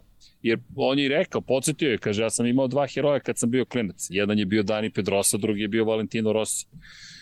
Darija Pedrosu je pobedio u sred garaže, a Valentina Rossi je takođe pobedio i nisu drugari. Ali je rekao, ne moram ja sa svakim da budem prijatelj. Isto i Rossi rekao, nema tu nikakve grančice pomirenja, nema tu nikakvog plana da se odjednom postane drugar. Možda za 50-60 godina, znaš, pre, pre, baš pred stare dane, pa kao, ajde. Ali nešto sumnjam čak i u tu opciju. Da no, vidjet ćemo. A vratio se uh, Lukas. Gde si Lukas? Zdravo. Ja zna da ima imenjaka u šampionatu. da li sad ima imenjaka u šampionatu? Ne znam, ali saznaće. Imaš to Lukas Tulović se zove vozač iz Nemačke. Nekada se, čim se pojaviš, deki, sad te ne vidi dole u donjem delu ekrana. Vidi, vidi ga, deki. To si non stop su tu, vidite svi. A, a, a. Gde pokažeš ovo? Šta, gde, gde pokažem na YouTube-u će ovo da bude? Da, gde? Ovaj? Infinity Lighthouse. Evo ga i Niko. Ćao, Najzad. Niko. Jedan ima Mitrovićev dres, drugi ima majicu Nikola Tesla. ne, uopšte ne širim uticaj. Ni malo. A, evo nas ponovo, čisto da iznenadimo nekoga. Češ da kažeš nešto? ne. Evo sad si rekao ne. Želio stric. Ne, Ajde. ne. Nećeš. Da, Ajde, ajde, poljubi za javnost. Tako je, sad ću to na YouTube-u da bude da se me poljubi. Ništa, imate Svi 3 će sata da znaju se... poljubi. Imate 3 sata da se igrate i u, u ovaj, ne znam koliko je to sati kod vas da sedne da gleda sebe. Tako je, da sedneš da gledaš, Eto. da vidiš. Raur. Juče smo se blesavili u hamburgerđerici, naravno, Videli smo se sve, ne morate da kačite baš sve. ne, ne, bila jače od mene, pošto Šalim su se, fotke bile super. vrlo iskrene, njih dvojica koji se igraju pozadi. Sofija Simpatično koja je jedina totalno. ozbiljna od svih nas, jest. Ali tako. Deki, e, ovo nekako zatiše pred buru sad, bez obzira na shakedown test i bez obzira na sve što se dešavalo, nama tek počinje zabava u suštini i kada U pogledaš... principu da, mislim ovaj shakedown, ono eto, lepo je bilo vizuelno ih videti da, da, da, da su stvarno dosta radili na, na tim nekim poboljšanjima, da je to onako ovaj dosta drugačije od, od, od onoga što smo imali prošle sezone, to je da su svi, svi u toj nekoj priči da, da, da, da pokušavaju da, da, da prate te trendove i da, i, da, i da na taj način budu konkurentni, ali to generalno ne mora ništa znači dok, dok barem ne dobijemo te rezultate ovaj, sa, sa testiranje u Maleziji, tako da ovaj, to je ono što, što u stvari kad dođe onda ćemo moći možda o nekim detaljima malo, malo više da pričamo, tako da ovaj, um, Čekamo.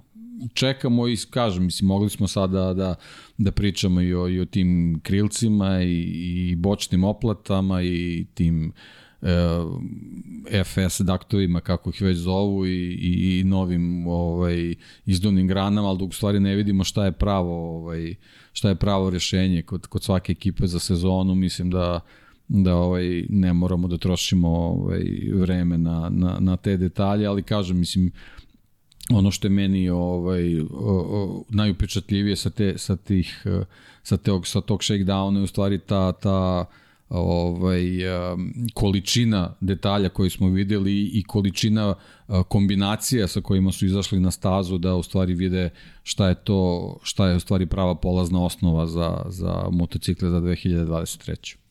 Da, inače, ajde par stvari samo da, da, da, da dodam, da iskoristim ovu priliku, a to je, tiče se opet i Marka Markeza, dakle, apropo ovoga što si rekao, možda je za njega najvažniji ovaj test, zapravo i za njega i za Hondu, jer mislim da je Honda na ozbiljnoj prekretnici i da je Honda na, u poziciji da od ove sezone zavisi da li zaista moraju da počnu da razmišljaju o tome da se završava era saradnje sa Markom Markezom, koliko god on bio uspešan u prošlosti, znaš i sam, i u životu, pogotovo u sportu, pogotovo u automotosportu. Dobar si koliko je tvoja poslednja trka i kad se setim, on je potpisao petogodišnji ugovor, u momentu kada je taj ugovor stupio na snagu, on se povređuje. Već je, ovo je četvrta godina tog petogodišnjeg ugovora. Tada je to izgledalo kao nešto što je samo potvrda i dominacije i ere u kojoj se nalazi Moto Grand Prix, međutim 2020. povreda, 21. utica i povrede, tri pobjede, ali opet utica i povrede, 22.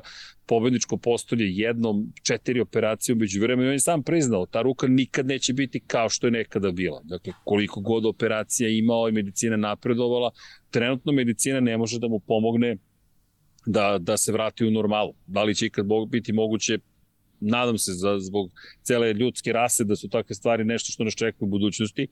I sada je četvrta godina. I ako ne prođe dobro, to ono što si rekao, test kako, kako treba, oni su ozbiljnim problemima. Jer šta sad, peta godina i jel se produžava ugovor, jel on postaje ambasador, gde će, pre čemu oglasio se njegov brat Alex po pitanju njegovog prelaska Luču Čikinelo Racing, on je u razgovoru s Luisom Duncanom rekao da da se nije složio sa time da ga skloni iz fabričke ekipe i, i, i da, da, da su mu to saopštili pre nego što je počela njegova debitanska sezona. Jer da se podsjetimo, Alex je potpisao ugovor na kraju 2019. kada je Jorge Lorenzo otišao u penziju, ušao je u Repsol boje i onda mu je rečeno, e, ali to ti samo ova godina, pre nego što je uopšte počeo da vozi trke, ti već na kraju godine ideš u Lučiće Kinelo Racing. I to ne vidim kao inspiraciju rekao, ispoštovao sam to, razumio sam Hondinu poziciju i ne možemo da promenimo prošlost, ali to je jednostavno problem. I mislim da se videlo njegovim oživima. Rekao, nisam se osjećao produktivnim, niti u Lučiće Kinelo Racingu, niti za sebe, niti za Hondu, ni za koga se nisam osjećao produktivno.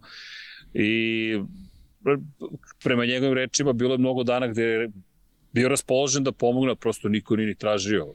Tu pomoć je rekao sam, zahvalan sam Hondi za priliku koja mi je data, pa ajde da vidimo i, i to, ali zanimljivo mi je sada iz retrospektive mnogo toga što smo spekulisali kako se dobijaju, dobijaju se odgovori. Pa i to, i eto, ajde, kad smo već kod, kod Aleksa, možda iz ove neke perspektive, kad se pogleda ta čitava priča, on je jednostavno imao loš tajming ovaj, oko svega vezano za, za Repsol, on generalno nije trebao tu da bude nikakav nosilac priče, to je trebao da bude Mark koji tom, eto, petogodišnjem planu, kako si rekao, samo trebao da hita do titule, da niže pobede, a Aleksu je samo bilo potrebno da se polako prilagođava uh, Hondi i, i toj organizaciji da u nekom trenutku počne on da isporučuje dobre rezultate. Međutim, zbog, zbog Markove pobede, on je, povrede, on je jednostavno ovaj, izbio tu u prvi plan i našao su situaciju koju jednostavno uh, nije ni planirao da bude i pitanje da li, da li, je tak, da li uopšte raspolaže sa takvim kapacitetima i naravno sve to onda otišlo u neku stramputicu i, i ovako se završilo, tako da nije ovo sad neko opravdanje vezano za njega, ali eto, generalno ta, ta, ta teška povreda Markeza, čitav taj koncept Repsola i, i, i te grupe vozača koji se tu našli, našla poremetio, tako da ovaj, možda možda treba to ovaj uzeti u obzir kad kad kad, kad sagledavamo tu čitavu priču a što se tiče sa te neke perspektive i, i budućnosti nije nije za Repsol samo važan dobar rezultat Marka Markeza. Veoma je bitno da se Joan Mir i Alex Rins dobro snađu u celoj priči. Lako slučajno to sve krene loše i, i, i što se tiče Marka Markeza, ali što se tiče njih dvojice na, na, na Repsolu pre svega kao, kao ogromnom velikom sponzoru te čitave priče i Hondi i Repsol Hondi kao, kao ovaj tom nekom tandemu koji toliko godina unazad ovaj nosi tu čitavu priču Moto Grand Prix biće jako važno da se vidi da li da da ostane sa sa postojećom grupom vozača ili da krene u rizik da da u neku novu priču koja mora da popravi sve to što možda eventualno može da bude loše, ovaj da se tu pojave sad neki novi novi momci, neki Raul Fernandez ili Pedro Acosta sa, sa velikim znakom pitanja da li će oni pre svega kao neiskusni u toj ovaj perjanici što tiče motociklizma moći uopšte da iznesu to i da oni budu nosioci tog novog razvoja Honda. Tako da ova godina je za njih stvarno jako važna osim što je bitno da se vrate u taj neki pobednički ritam, jako je važno stvari da se sagleda da li su ovi vozači koji su trenutno tu ovaj, oni koji će moći u sledeće dve, tri godine da, da nose priču, a da se polako neki novi ubacuju to ili, ili će morati ponovo da se seća što ako se radi iz godinu u godinu to stvarno ne može ovaj, da donese dobre rezultate. Da, apropo te priče, znaš, godina, godina i jednogodišnje stvari, apropo važnosti toga da znaš šta te čeka, Razna Razali je dao super intervju za Autosport, gde je baš pričao o tome da, eto još jedan odgovor smo dobili, da Yamaha nije RNF-u htela da da uopšte višegodišnji ugovor o saradnji, nego je insistirala da imaju jednogodišnje ugovore, Razali, to su njegove reči, nismo čuli drugu stranu, i rekao da je ponavljao da je nemoguće tako raditi, da mu je potrebna sigurnost u partnerstvu, barem dvogodišnji ugovor da ima, višegodišnji bi bilo idealno, dakle 3-4 godine, i rekao je Yamaha insistirala na tome da bi to bude jednogodišnji ugovor. I sad, zašto? Da li je Yamaha čekala da se otvori neka ekipa, možda VR46 ili prosto nije htela da se vezuje za RNF, što je čudno, RNF u teksti sjajno napisano je bio kandidat za titulu šampiona, kad setimo se sa, sa Fabijom Kvartararom, došli smo do toga da zapravo je Razali rekao da je na kraju potpisao ugovor sa Aprilijom jer je Aprilija dala dvogodišnji ugovor. Potpuno bizarno i sa strane Yamahi pre svega da ti imaš tim koji ti je doneo Fabio Quartarara, koji je nastao kao neka nova ekipa, što se redko dešava, da su oni ljudi pokolno formirali tim koji je instant bio uspešan i umesto da ga podržiš ti kažeš ej sačekajte još malo, na kraju Valentino Rossi tu završio karijeru u toj ekipi, Petronas koji je odustao od sponzorstva, svašta se dešavalo, ali činjenice da RNF odjednom i RNF se povukao kao sponsor, RNF, to je RNF je ostao bez, bez, bez sponzora italijanskog uh, Vitju, je li tako? Da, Vitju da, je da, odustao, da, da, da. pa su onda otišli sa kriptodatom i tako dalje, ali fascinantno da ti, ti znaš da ti je potreban partner i ti mu ne rodiš višegodišnji ugovor. Pa da, ali znaš kako, ovaj, nije, nije tu sad nešto, ništa za čuđenje, posebno kad se uzme, uzme u obzir kako su ovaj, završili tu saradnju sa Valentinom Rosijem. Tako da, pa, ako jedno, da. jedno,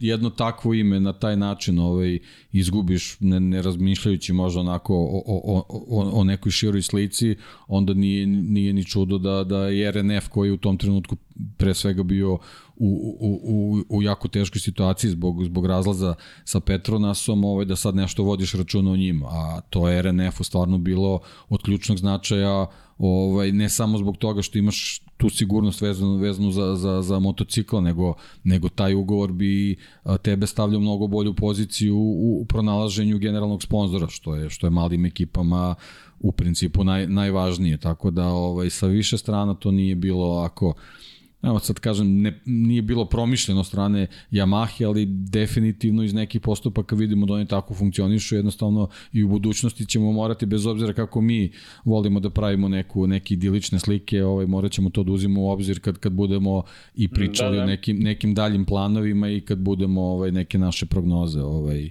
postavljali. Jednostavno, u njihovom svetu to tako ne funkcioniše i moramo time, da, s time da se pomirimo.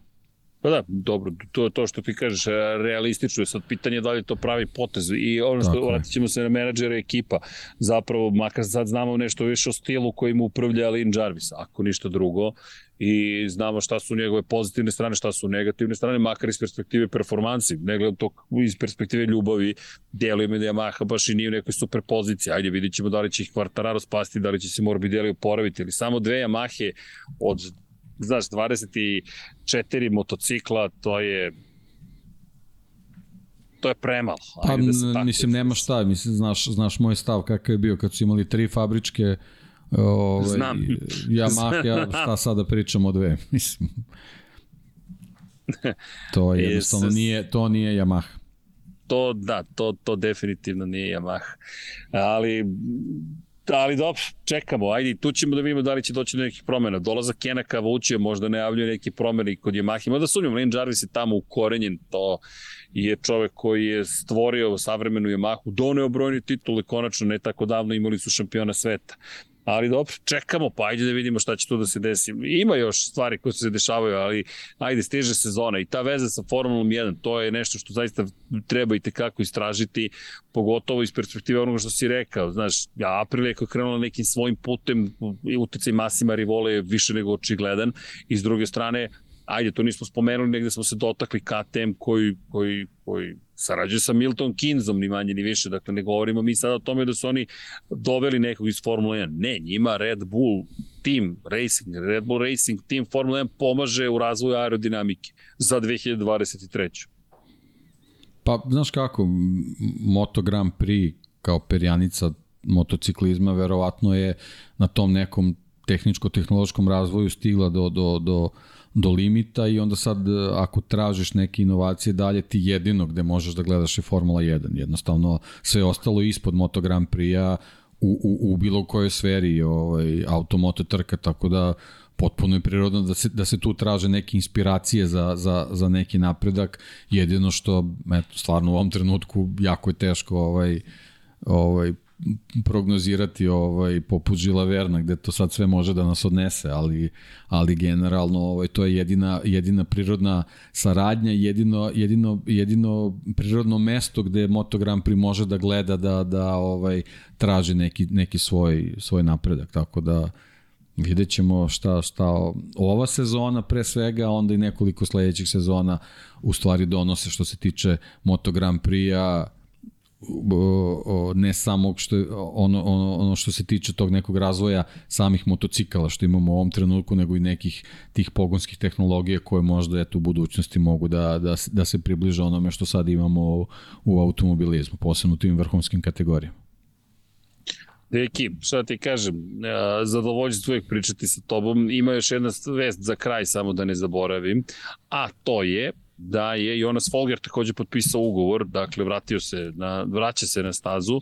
Jonas Folger, ali ne kao vozač, već kao probni vozač i KTM će biti njegova nova fabrika, čovek koji je svojevremeno sarađivao sa Tech 3, bio, fabri, bio vozač u zvanične Tech 3 ekipe, imao Yamaha u svojim rukama, kakva je to bila sezona iza njega, sveti se njegove bitke protiv Markeza u Nemačkoj, u malo ni pobedio velikog Marka Markeza, bio je na drugoj poziciji na kraju, ali jedna prelepa trka, Folger koji nažalost morao da se pa povuče iz aktivnog trkanja, imao je Žilberov sindrom, ako se ja dobro sećam, i nažalost morao je da pauzira, ali dalje vrlo aktivan. Ne znam da li je veza bio RV Ponšaral šef Teh 3, pošto Teh 3, jel te, sarađuje sa KTM-om, ali eto, Jonas Folger, nemački vozač, biće uz Danije Pedrosu deo te ekipe koja će testirati. Mika Kalio je rekao, kada smo ga videli u Valenciji, da, je, da će nastaviti takođe da sarađuje sa KTM-om, tako da KTM očigledno ima ozbiljne planove da, da, ne, da, da ne propusti priliku kada se već negde našao na sredini, da pokuša da dođe do samog vrha. Pa dobro, da, mislim, definitivno KTM širi tu, tu test ekipu, ali to je nešto što im je ovaj, u prošle godini, prošle sezoni nedostajalo, tako da sad su se ponovo vratili možda na, na tu neku poziciju od pre dve godine i vidjet ćemo šta to može da im donese. Ako su prošle godine onako kako nije baš sve funkcionisalo kako treba uspevali da stignu do pobeda bez obzira kakve to trke bile onda ovaj sa sa ovim ponovo timom u kojem i i i Pedrosa i Folger ovaj samo možemo da očekujemo nešto nešto uzlazno naravno i uz Jacka Millera koji donosi tu neku pa ne, donosi. neko iskustvo iz Ducatija ovaj, dovodi svog inženjera. Tako je, tako je. To su, to su ozbiljne stvari. KTM stvarno ovaj, planira da. da, da bude malo više nego, nego gde je bio posebno, zato što je dobio onako priličan udarac od Aprilije pre svega. Znaš šta treba da čekamo? bili na nekom istom putu, April je sad nekako korak ispred. E, dve stvari za kraj. Jedna je, ne znam da li si vidio, ajde ovo je vest iz Formula 1, ali mislim da je indikativna ali Mohamed Ben Sulaim, predsednik Međunarodne pomorske federacije, je obavestio timove da se više neće na dnevnom nivou baviti Formulom 1.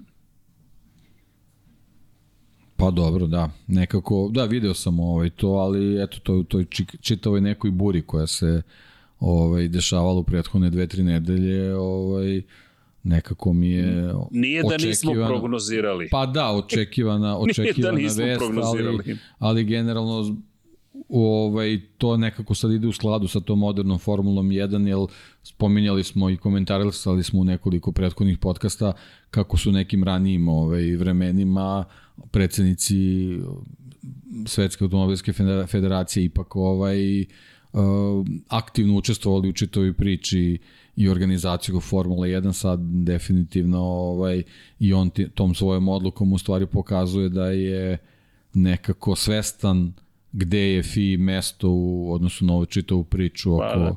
oko ovaj, organizacije i, i razvoja trka Formula 1, tako da mislim nije možda ovako na, na prvu loptu nije nije baš baš ovaj dobar put da da da prvi čovek FIE tako mora da, da reaguje, ali možda i on sa nekim svojim odlukama, o izjavama pretera, pa, možda... Mislim da je krenuo pogrešnim pa putem. Pa da, da verovatno, da... verovatno se mešao neke stvari gde u principu ne bi trebalo da bude, pa sad eto mora, mora ili... nekako, da, se, da se ta lopta spusti, da se izbalansira. Pa da, Tako ili da... nije to uradio na pravi način. A opet sa druge strane, kao predsednik Međunarodne automobilske federacije, on generalno nema potrebe da se na dnevnom nivou bavi Formulom 1, tako da... To je kao direktor koji odlučuje o svemu u firmi. Pa, znaš, tako je, tako je, znaš, da li će... Sve. Hoćemo koji, koji da će, koji će prašak, pa to, koji će prašak da ima tetkica i da li će, da li će neonka da bude bela ili neko toplo svetlo. Tako je, ne, nema, ne, treba da. da nađe tim koji će to da završava. Da, inače Tako Nikola Stombazis će preuzeti tamo glavnu ulogu po pitanju rade na, na Formuli 1 dnevnog čovek koji je od 92. godine u Formuli 1, čuveni grčki inženjer koji je bio u Benettonu, Ferrariju, McLarenu, Manoru, ne znam gde sve nije bio, od 2018. zapravo i zadužen za tehnička pitanja za jednosede u FII i od ove godine direktor bio jednoseda tako da će on preuzeti tu priču o Formuli 1. Ali eto, to je iz Formule 1, ali mi je bilo samo zanimljivo, pošto nije mala vest, pa eto da spomenemo i danas. I za kraj šta bih uradio, osim što ćemo da pozdravimo naše patrone, naravno, i da ih pozovemo da, da nas i dalje podržavaju, a i neki novi da se pridruže, udrite like, udrite subscribe, patreon.com kroz Infinite kliknite join, dugme, time nam pomažete i podržavate nas a to je zapravo šta očekivati od shakedown testova, ne shakedown, od zvaničnih testiranja predsezonskih. Ako možemo brzinski, Ducati, šta očekivati? Ok, tehnički gledano imamo da vidimo šta će novo da testiraju, Da li očekuješ da treba da gledamo vremena između Bastianini i Banjaje? Da li duel kreće već sada? Pa ne znam da li duel kreće već sada, pošto naš veliko je pitanje da li će obojica voziti istu specifikaciju.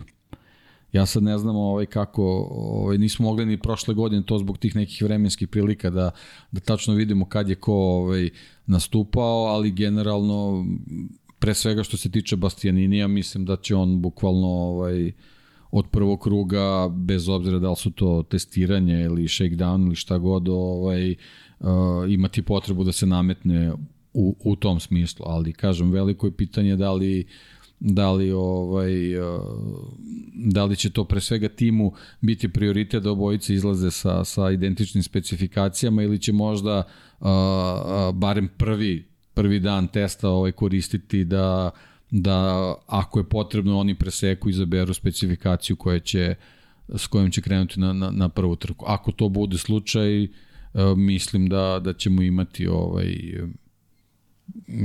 neku indikativnu priču između, između njih dvojice.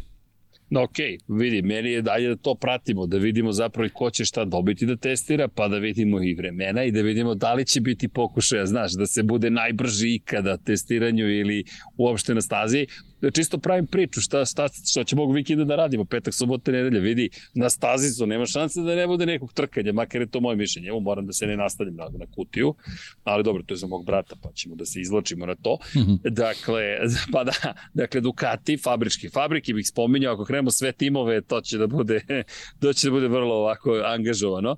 Zatim, Yamaha, da vidimo šta, maksimalna brzina, da li će biti kao što je bilo sa Kalom Kračlom, naravno šta će testirati i da li Morbidelli ima neku šansu ove godine. Šta kažeš, je li to priča koju pratimo? Pa pratimo, znači prvo da vidimo koliko će Morbidelli biti bliži kvartararu, to je okay. ovaj, kad se njega već spomenuo, što se tiče kvartarara, ovaj, naravno mora da povuče Morbidelli, ali, ali poenta je da vidimo ovaj, uh, rezultat, maksimalnu brzinu ok, naravno to je to je u tom paketu, ali da vidimo rezultat i koliko mu u stvari uh, koliko mu je energije bilo potrebno da se taj uh, rezultat ostvari. Znači mi kroz njegovu vožnju nažalost nećemo to moći baš da pratimo, da vidimo kako su ostvareni rezultati krugova, ali generalno kroz njegovu vožnju treba se vidjeti da koli, sa kolikom mukom je došao do tog rezultata i koliko mu u stvari konforno na tom motociklu. To je to je pre svega bitno za za Fabija Quartarara, ovaj da bi da bi on ovaj mogao da da prikaže svoj pun potencijal. I to je ono što Yamaha mora da mu da mu pruži. Znači mora da mu da mu pruži brz i pouzdan motocikl, ali pre svega motocikl na kojem se on osjeća komfortno kada stiže do do maksimalnih rezultata. Znači ti rezultati ne smiju da dođu iz, iz nekog forsiranja. To, to, to onda jednostavno u sezoni sa, sa 42 trke apsolutno nije, nije moguće ovaj, ispratiti do kraja. Dobro, dakle za Yamahu to je plan za petak, subotu, nedelju. Šta ćemo, koga ćemo sledećeg? Hondu? Hoćemo Hondu za kraj ili ćemo Honda? Ajmo Honda, mora da se spomene Honda. Dakle, šta gledamo? Da li je taj motocikl po vremenima tamo gde treba da bude ili ti u samom vrhu? Da li uopšte sad treba očekivati napade na vremena? Ili slušati da li su zadovoljni što Mark Marquez, što Joan Mir i videti gde su Mir i Marquez jedan odnosu na drugo i tu ja mislim da treba već očekivati trkanje. Pa odnos između Mira i Markeza će u stvari pokazati koliko je taj motocikl napredao u odnosu na, na, na prošlu godinu, ali, on, ali oni generalno obojica moraju da budu mnogo bliže vrhu. Tako da, ovaj, mislim, isto zavisi kao i za, i za Ducati. Veliko je pitanje sa kakvim specifikacijama će nastupati, ali mislim da, da, ovaj, da ćemo od samog početka od Honda dobiti ono, ono maksimalno, jer, jer jednostavno, kao što sam rekao malo pre, ne, oni nemaju puno vremena da, da, da probaju da uhvate priključak i oni jednostavno moraju što pre da shvate koja koja specifikacija će biti ta s kojom će napadati u 2023. da bi je usavršili do početka sezone. Tako da verujem da, da od njih već prvog dana ovaj, možemo da imamo dosta toga i sad u zavisnosti kako ograničenja budu bila na stazi, što zbog vremena i zbog nekih drugih situacija, očekujem mnogo krugova od Joana Mir. Dobro, to ima smisla mnogo i kroz njegovu karijeru, kako su stvari funkcionisale i generalno šta se mora da uradi ove godine. Idemo dalje, Aprilija. Aprilija, šta ćemo sa Aprilijom? Aleš Espargaro, Maverick Vinales.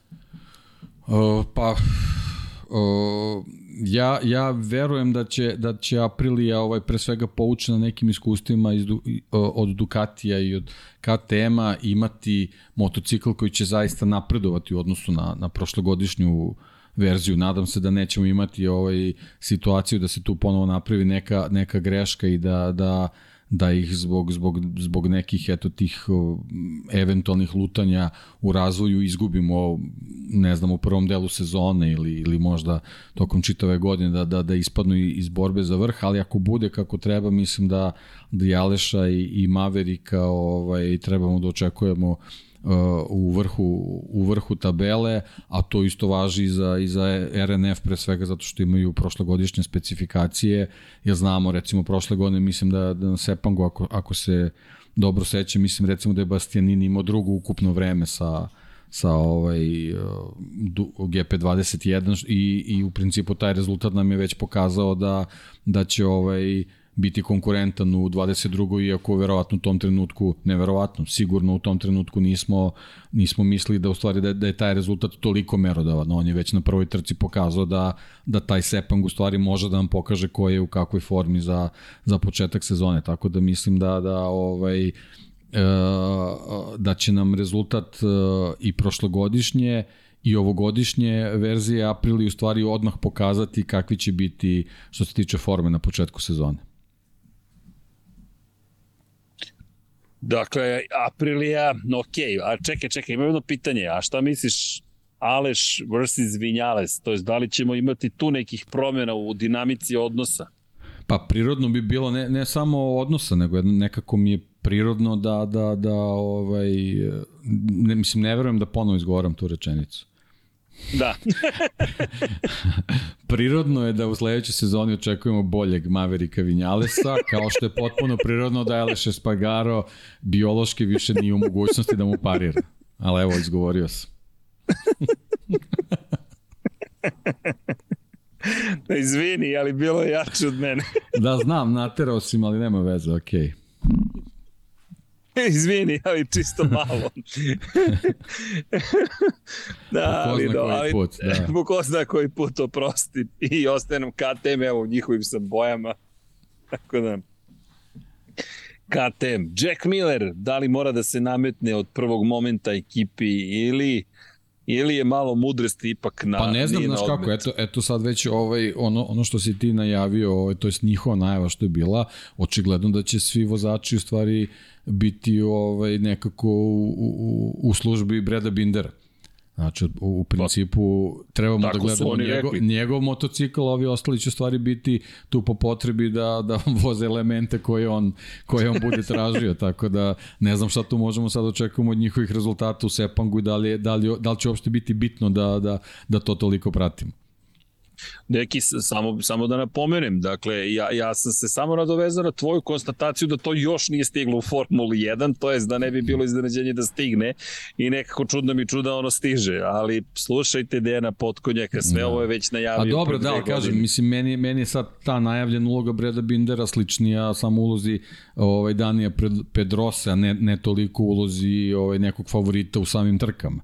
Jednostavno, ovaj, on će biti čovjek koji je zadužen za razvoj, a ovaj uh, pomak u odnosu na Pedrosa to što će, što će imati vozača koji će biti u kompletnoj sezoni na trkama, tako da bukvalno će moći ovaj da da implementiraju prema njegovim instrukcijama sve i to je pre svega ovaj ozbiljna obaveza za njega, ali ali ne verujem da je da je slučajno zaslužio. Mislim znamo pre svega koliko je on dobar u nedelju, tako da će svi njegovi rezultati prilično biti merodavni, ovaj da pokažu ovaj da li je taj razvoj krenuo u pravom smeru. I sad ja, kažem što se tiče što se tiče Sepanga, ja mislim da će on biti kapiten, a ovi ostali će raditi šta on kaže. Ja brinem, znaš zašto? Svi vozači s kojima sam pričao u KTM-u su svaki put ponovili istu priču, da je Brad Binder ima potpuno drugačiji stil od...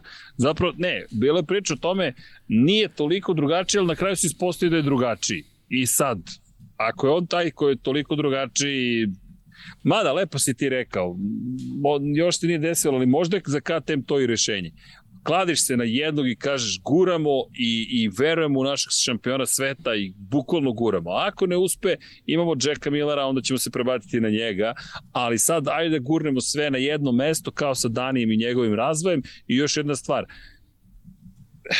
od četiri vozača, ja zaista tu ne vidim taj šampionski kalibar ni kod jednog od njih. Svi su oni fantastični, sjajni, sve okay. ali mi nisu na nivou. Niti Marka Markeza, niti Fabio Quartarara, niti Francesca Banjaje, pa nije Nea Bastianini, bez obzira na njegovo odsustvo konzistentnosti, ali je Nea imao više pobjeda na tom motociklu nego što je imao Jack Miller prošle godine. O čemu pričam? Dakle, pa i to je tačno, ovaj, s tim što tu sad imaju, imaju neka dva elementa, uh, pre svega taj izbor jednog, jednog vozača. Uh, prošle godine Francesco Bonjaja je to pokazao. Znači u trenutku kad je on rekao onako kad je podigao glas u Ducatiju rekao je ajde više da ne lutamo, dajte da da da ajde se fokusiramo. Da kren, ajde se fokusiramo. Odmah, se, odmah su se videli rezultati. Tako ovaj a opet sa druge strane KTM je nekako izgubio prošlu godinu tako da imaju imaju nekako foru ove godine praktično da da je u stvari samo uh, najvažnija stvar da zabeleže što više pobeda na, na tim čistim trkama koje nisu uslovljene vremenskim uslovima. Nisu kišne, da. Tako je, nego jednostavno znači da, da u pravoj konkurenciji oni zabeleže pobede da bi, da bi videli da li su na pravom putu. Tako da mislim da ne moraju sebe da opterećuju da 23. treba da bude godina za titul i da sad od ovih momaka koji su ovaj, pod njihovim brendom sad ovaj, traže upravo to. Mislim da, da, da je to nepotreban pritisak, mislim, pre svega zbog toga što je to ta neka godina koja je praktično izgubljena, sad samo treba da se nadoknadi, možda će biti lakše zato što ima mnogo trka, pa ovaj, bukvalno će na polovini sezone možda eto, nadam se moći da kažu da, evo, cilj je ispunjen, sad u drugom delu sezone krećemo na nešto više i tako dalje. A, ovaj, ali generalno, po meni, mislim da bi trebali samo da idu na to da, da belaže pobede u čistoj konkurenciji, da, da u stvari to bude ovaj, uh, znak da su, da su na pravom putu. Lepo, deki, eto, najavili smo šta očekivati sada za, za pet fabričkih timova, nažalost više nemamo šest. Znaš šta bih još dodao samo u Hondi? da ne zaboravim taj moment, videti kako će Ken ući da radi. To jest kako, je, kako će on da sada vodi prvi svoj zvanični test kao tehnički menadžer ekipe HRC-a. Ajde da to vidimo iz te perspektive. Kako će to da izgleda? Pa Čisto... ono, ono što su što su i one najavili, mislim on je pre svega tu zbog toga što je čovjek koji je pokazao kako ume da da uveže sve segmente ovaj uh, jedne ekipe, pre svega vezano za komunikaciju, a to je u ovom trenutku Honda najvažnije zato što sa dobrom komunikacijom će dobijati e, brže delanje, jer jednostavno njima je jako važno da, da, da što pre ovaj dođu do, do, do, do prave kombinacije za, za trke. Hvala, deki, šta drugo da ti kažem, Hvala tebi, kao i uvek. Naravno, naravno. A što se tiče testiranja kada prođu, mi ćemo standardno već da se vidimo u sredu, sednemo, prođemo sve to, šta se dešavalo, kako se dešavalo, koji su bili rezultati, šta smo videli, da šta smo čuli od vozača, šta su rekli šefovi ekipa, tehnički menadžeri, direktori, da vidimo koji su se sponzori pojavili, da li ima nekih novih, da li ima neko prijetno iznenađenje ili neprijatno iznenađenje. I generalno da polako li sigurno uđemo u, u pripreme za sezonu, Biće tu još stvari do 26. marta kada počinje izvanično, dug je put do tamo, ali eto, sve smo bliži korak po korak. Nekako zimski san se završio ovim, ovim predtestiranjima, ne znam ni kako bih ih preveo, shakedown testovi, ali uh, testiranje probnih vozača. U svakom slučaju probudili su se motocikli. A to je, to je najvažnije, tako je. Tako je, trke su sve bliže i bliže. Hvala svima koji nas prate, udrite like, share, subscribe, budite dobri. Podsećam još jednom, nažalost, neki podsjetnici koji nam nisu potrebni, Turska, Sirija, stravičan zemljotres i samo da ne zaboravimo da budemo ljudi jedni prema drugima, da se mazimo i pazimo. To je poruka, mazite se i pazite se i budite dobri. Koliko možete učiniti nešto pozitivno, lepo, nešto dobro, poželite nekom dobar dan i to je lepo ponekad i to sasvim dovoljno. S druge strane, eto, kažem, u Čileu sam, pa strašno, zaista požari. Mi, mi nismo blizu obale, dugačka 4000 km, zaista dugačka obala i prilično zapravo velika zemlja i koja izgleda tako nekako usko i tanko, ali to je samo Merkalijeva jel te, projekcija gde izgleda da je nešto to malo, nije, 4000 km, 2000 km na severu od, od Santiago i 2000 na jug i zaista su strašni požari, ali eto, nadam se da će, da će uspeti da spasu što više ljudi u Turskoj i Siriji i da će i ovde uspeti da zaustave požari, da neće više biti žrtava, ostalo se da popraviti, oporaviti, podići, ali ljudi su najvažniji. I naravno, poželit ćemo vam svima još jednom lep dan, pročitat će imena svih naših pokrovitelja. Ukoliko uspemo, svi ćete biti na automobilu, to sa Miksom moramo da vidimo da li je izvodljivo da se ne zalećem, ali eto, ukoliko bude to moglo da se uradi, to bi zaista bilo spektakularno, da ispoštujemo sve vas koji nas podržavate tokom svih ovih godina, pratite projekat Garaža 76, Deki vozi, ja se fizički pripremam, verujte mi, baš sam onako, a veoma aktivan i, i bit, će, bit će to tip top. 19. novembar, Krobnik, 4 časa, Renault Twingo i... 19. februar. Posada, 19. februar, mart, 19. februar, izvinjam se, već za, za 10 do 11 dana. Dakle, u nedelju se vozi, ko može da svrati do grobnika, da dođe da navija, pa i da vidi malo trkanja, što da ne. Mi smo tu pre nego što krene Formula 1, pra, savršen uvod. Jel te, Miksa, Toki, Deki i Srki. MTDS, to kakav nam je nadimak, MTDS, dobro. I u to ime, ja vas pozdravljam, vratit ćemo se naravno kada pročitamo imena, ako može Vanja, udri da se zahvalimo svima koji su uz nas. Jelena Mak, Marina Mihajlović, Mladen Krstić, Aleksandar, Milan Nešković, optimisti Josh Allen Fan, Petar Relić, Darko Trajković, Kristijan Šestak, Dorijan Kablar, Nikola Grujičić, sprem se za one teške, Filip, Igor Vučković, Jasmina Pešić, Zoran Cimeša, Branimir Kovačev, Mladen Tešić, Dušan Delić, Ferenc Laslofi, Ivan Rečević, Branislav Marković, Sava Dugi, Žarko Milić, Dušan Petrović, Đorđe Milanović, skupštovatelja Ramona Marko Bogavac, zatim Kovačević Omer, Aleksa Vučaj, Vojin Kostić, Novak Tomić, Borislav Vukojević, Boris Gvozden, Ertan Prelić, Šmele, Andreja Miladinović, Dimitrije Mišić, Đorđe Đukić, Neđo Mališić, Kimi Rajkonen, Predrag Simić, Marko Horg, Luka Manitašević, Nebojša Živanović, Nikola Stojanović, Vlada Ivanović, Anonimus Donatorus, Grgo Živaljić,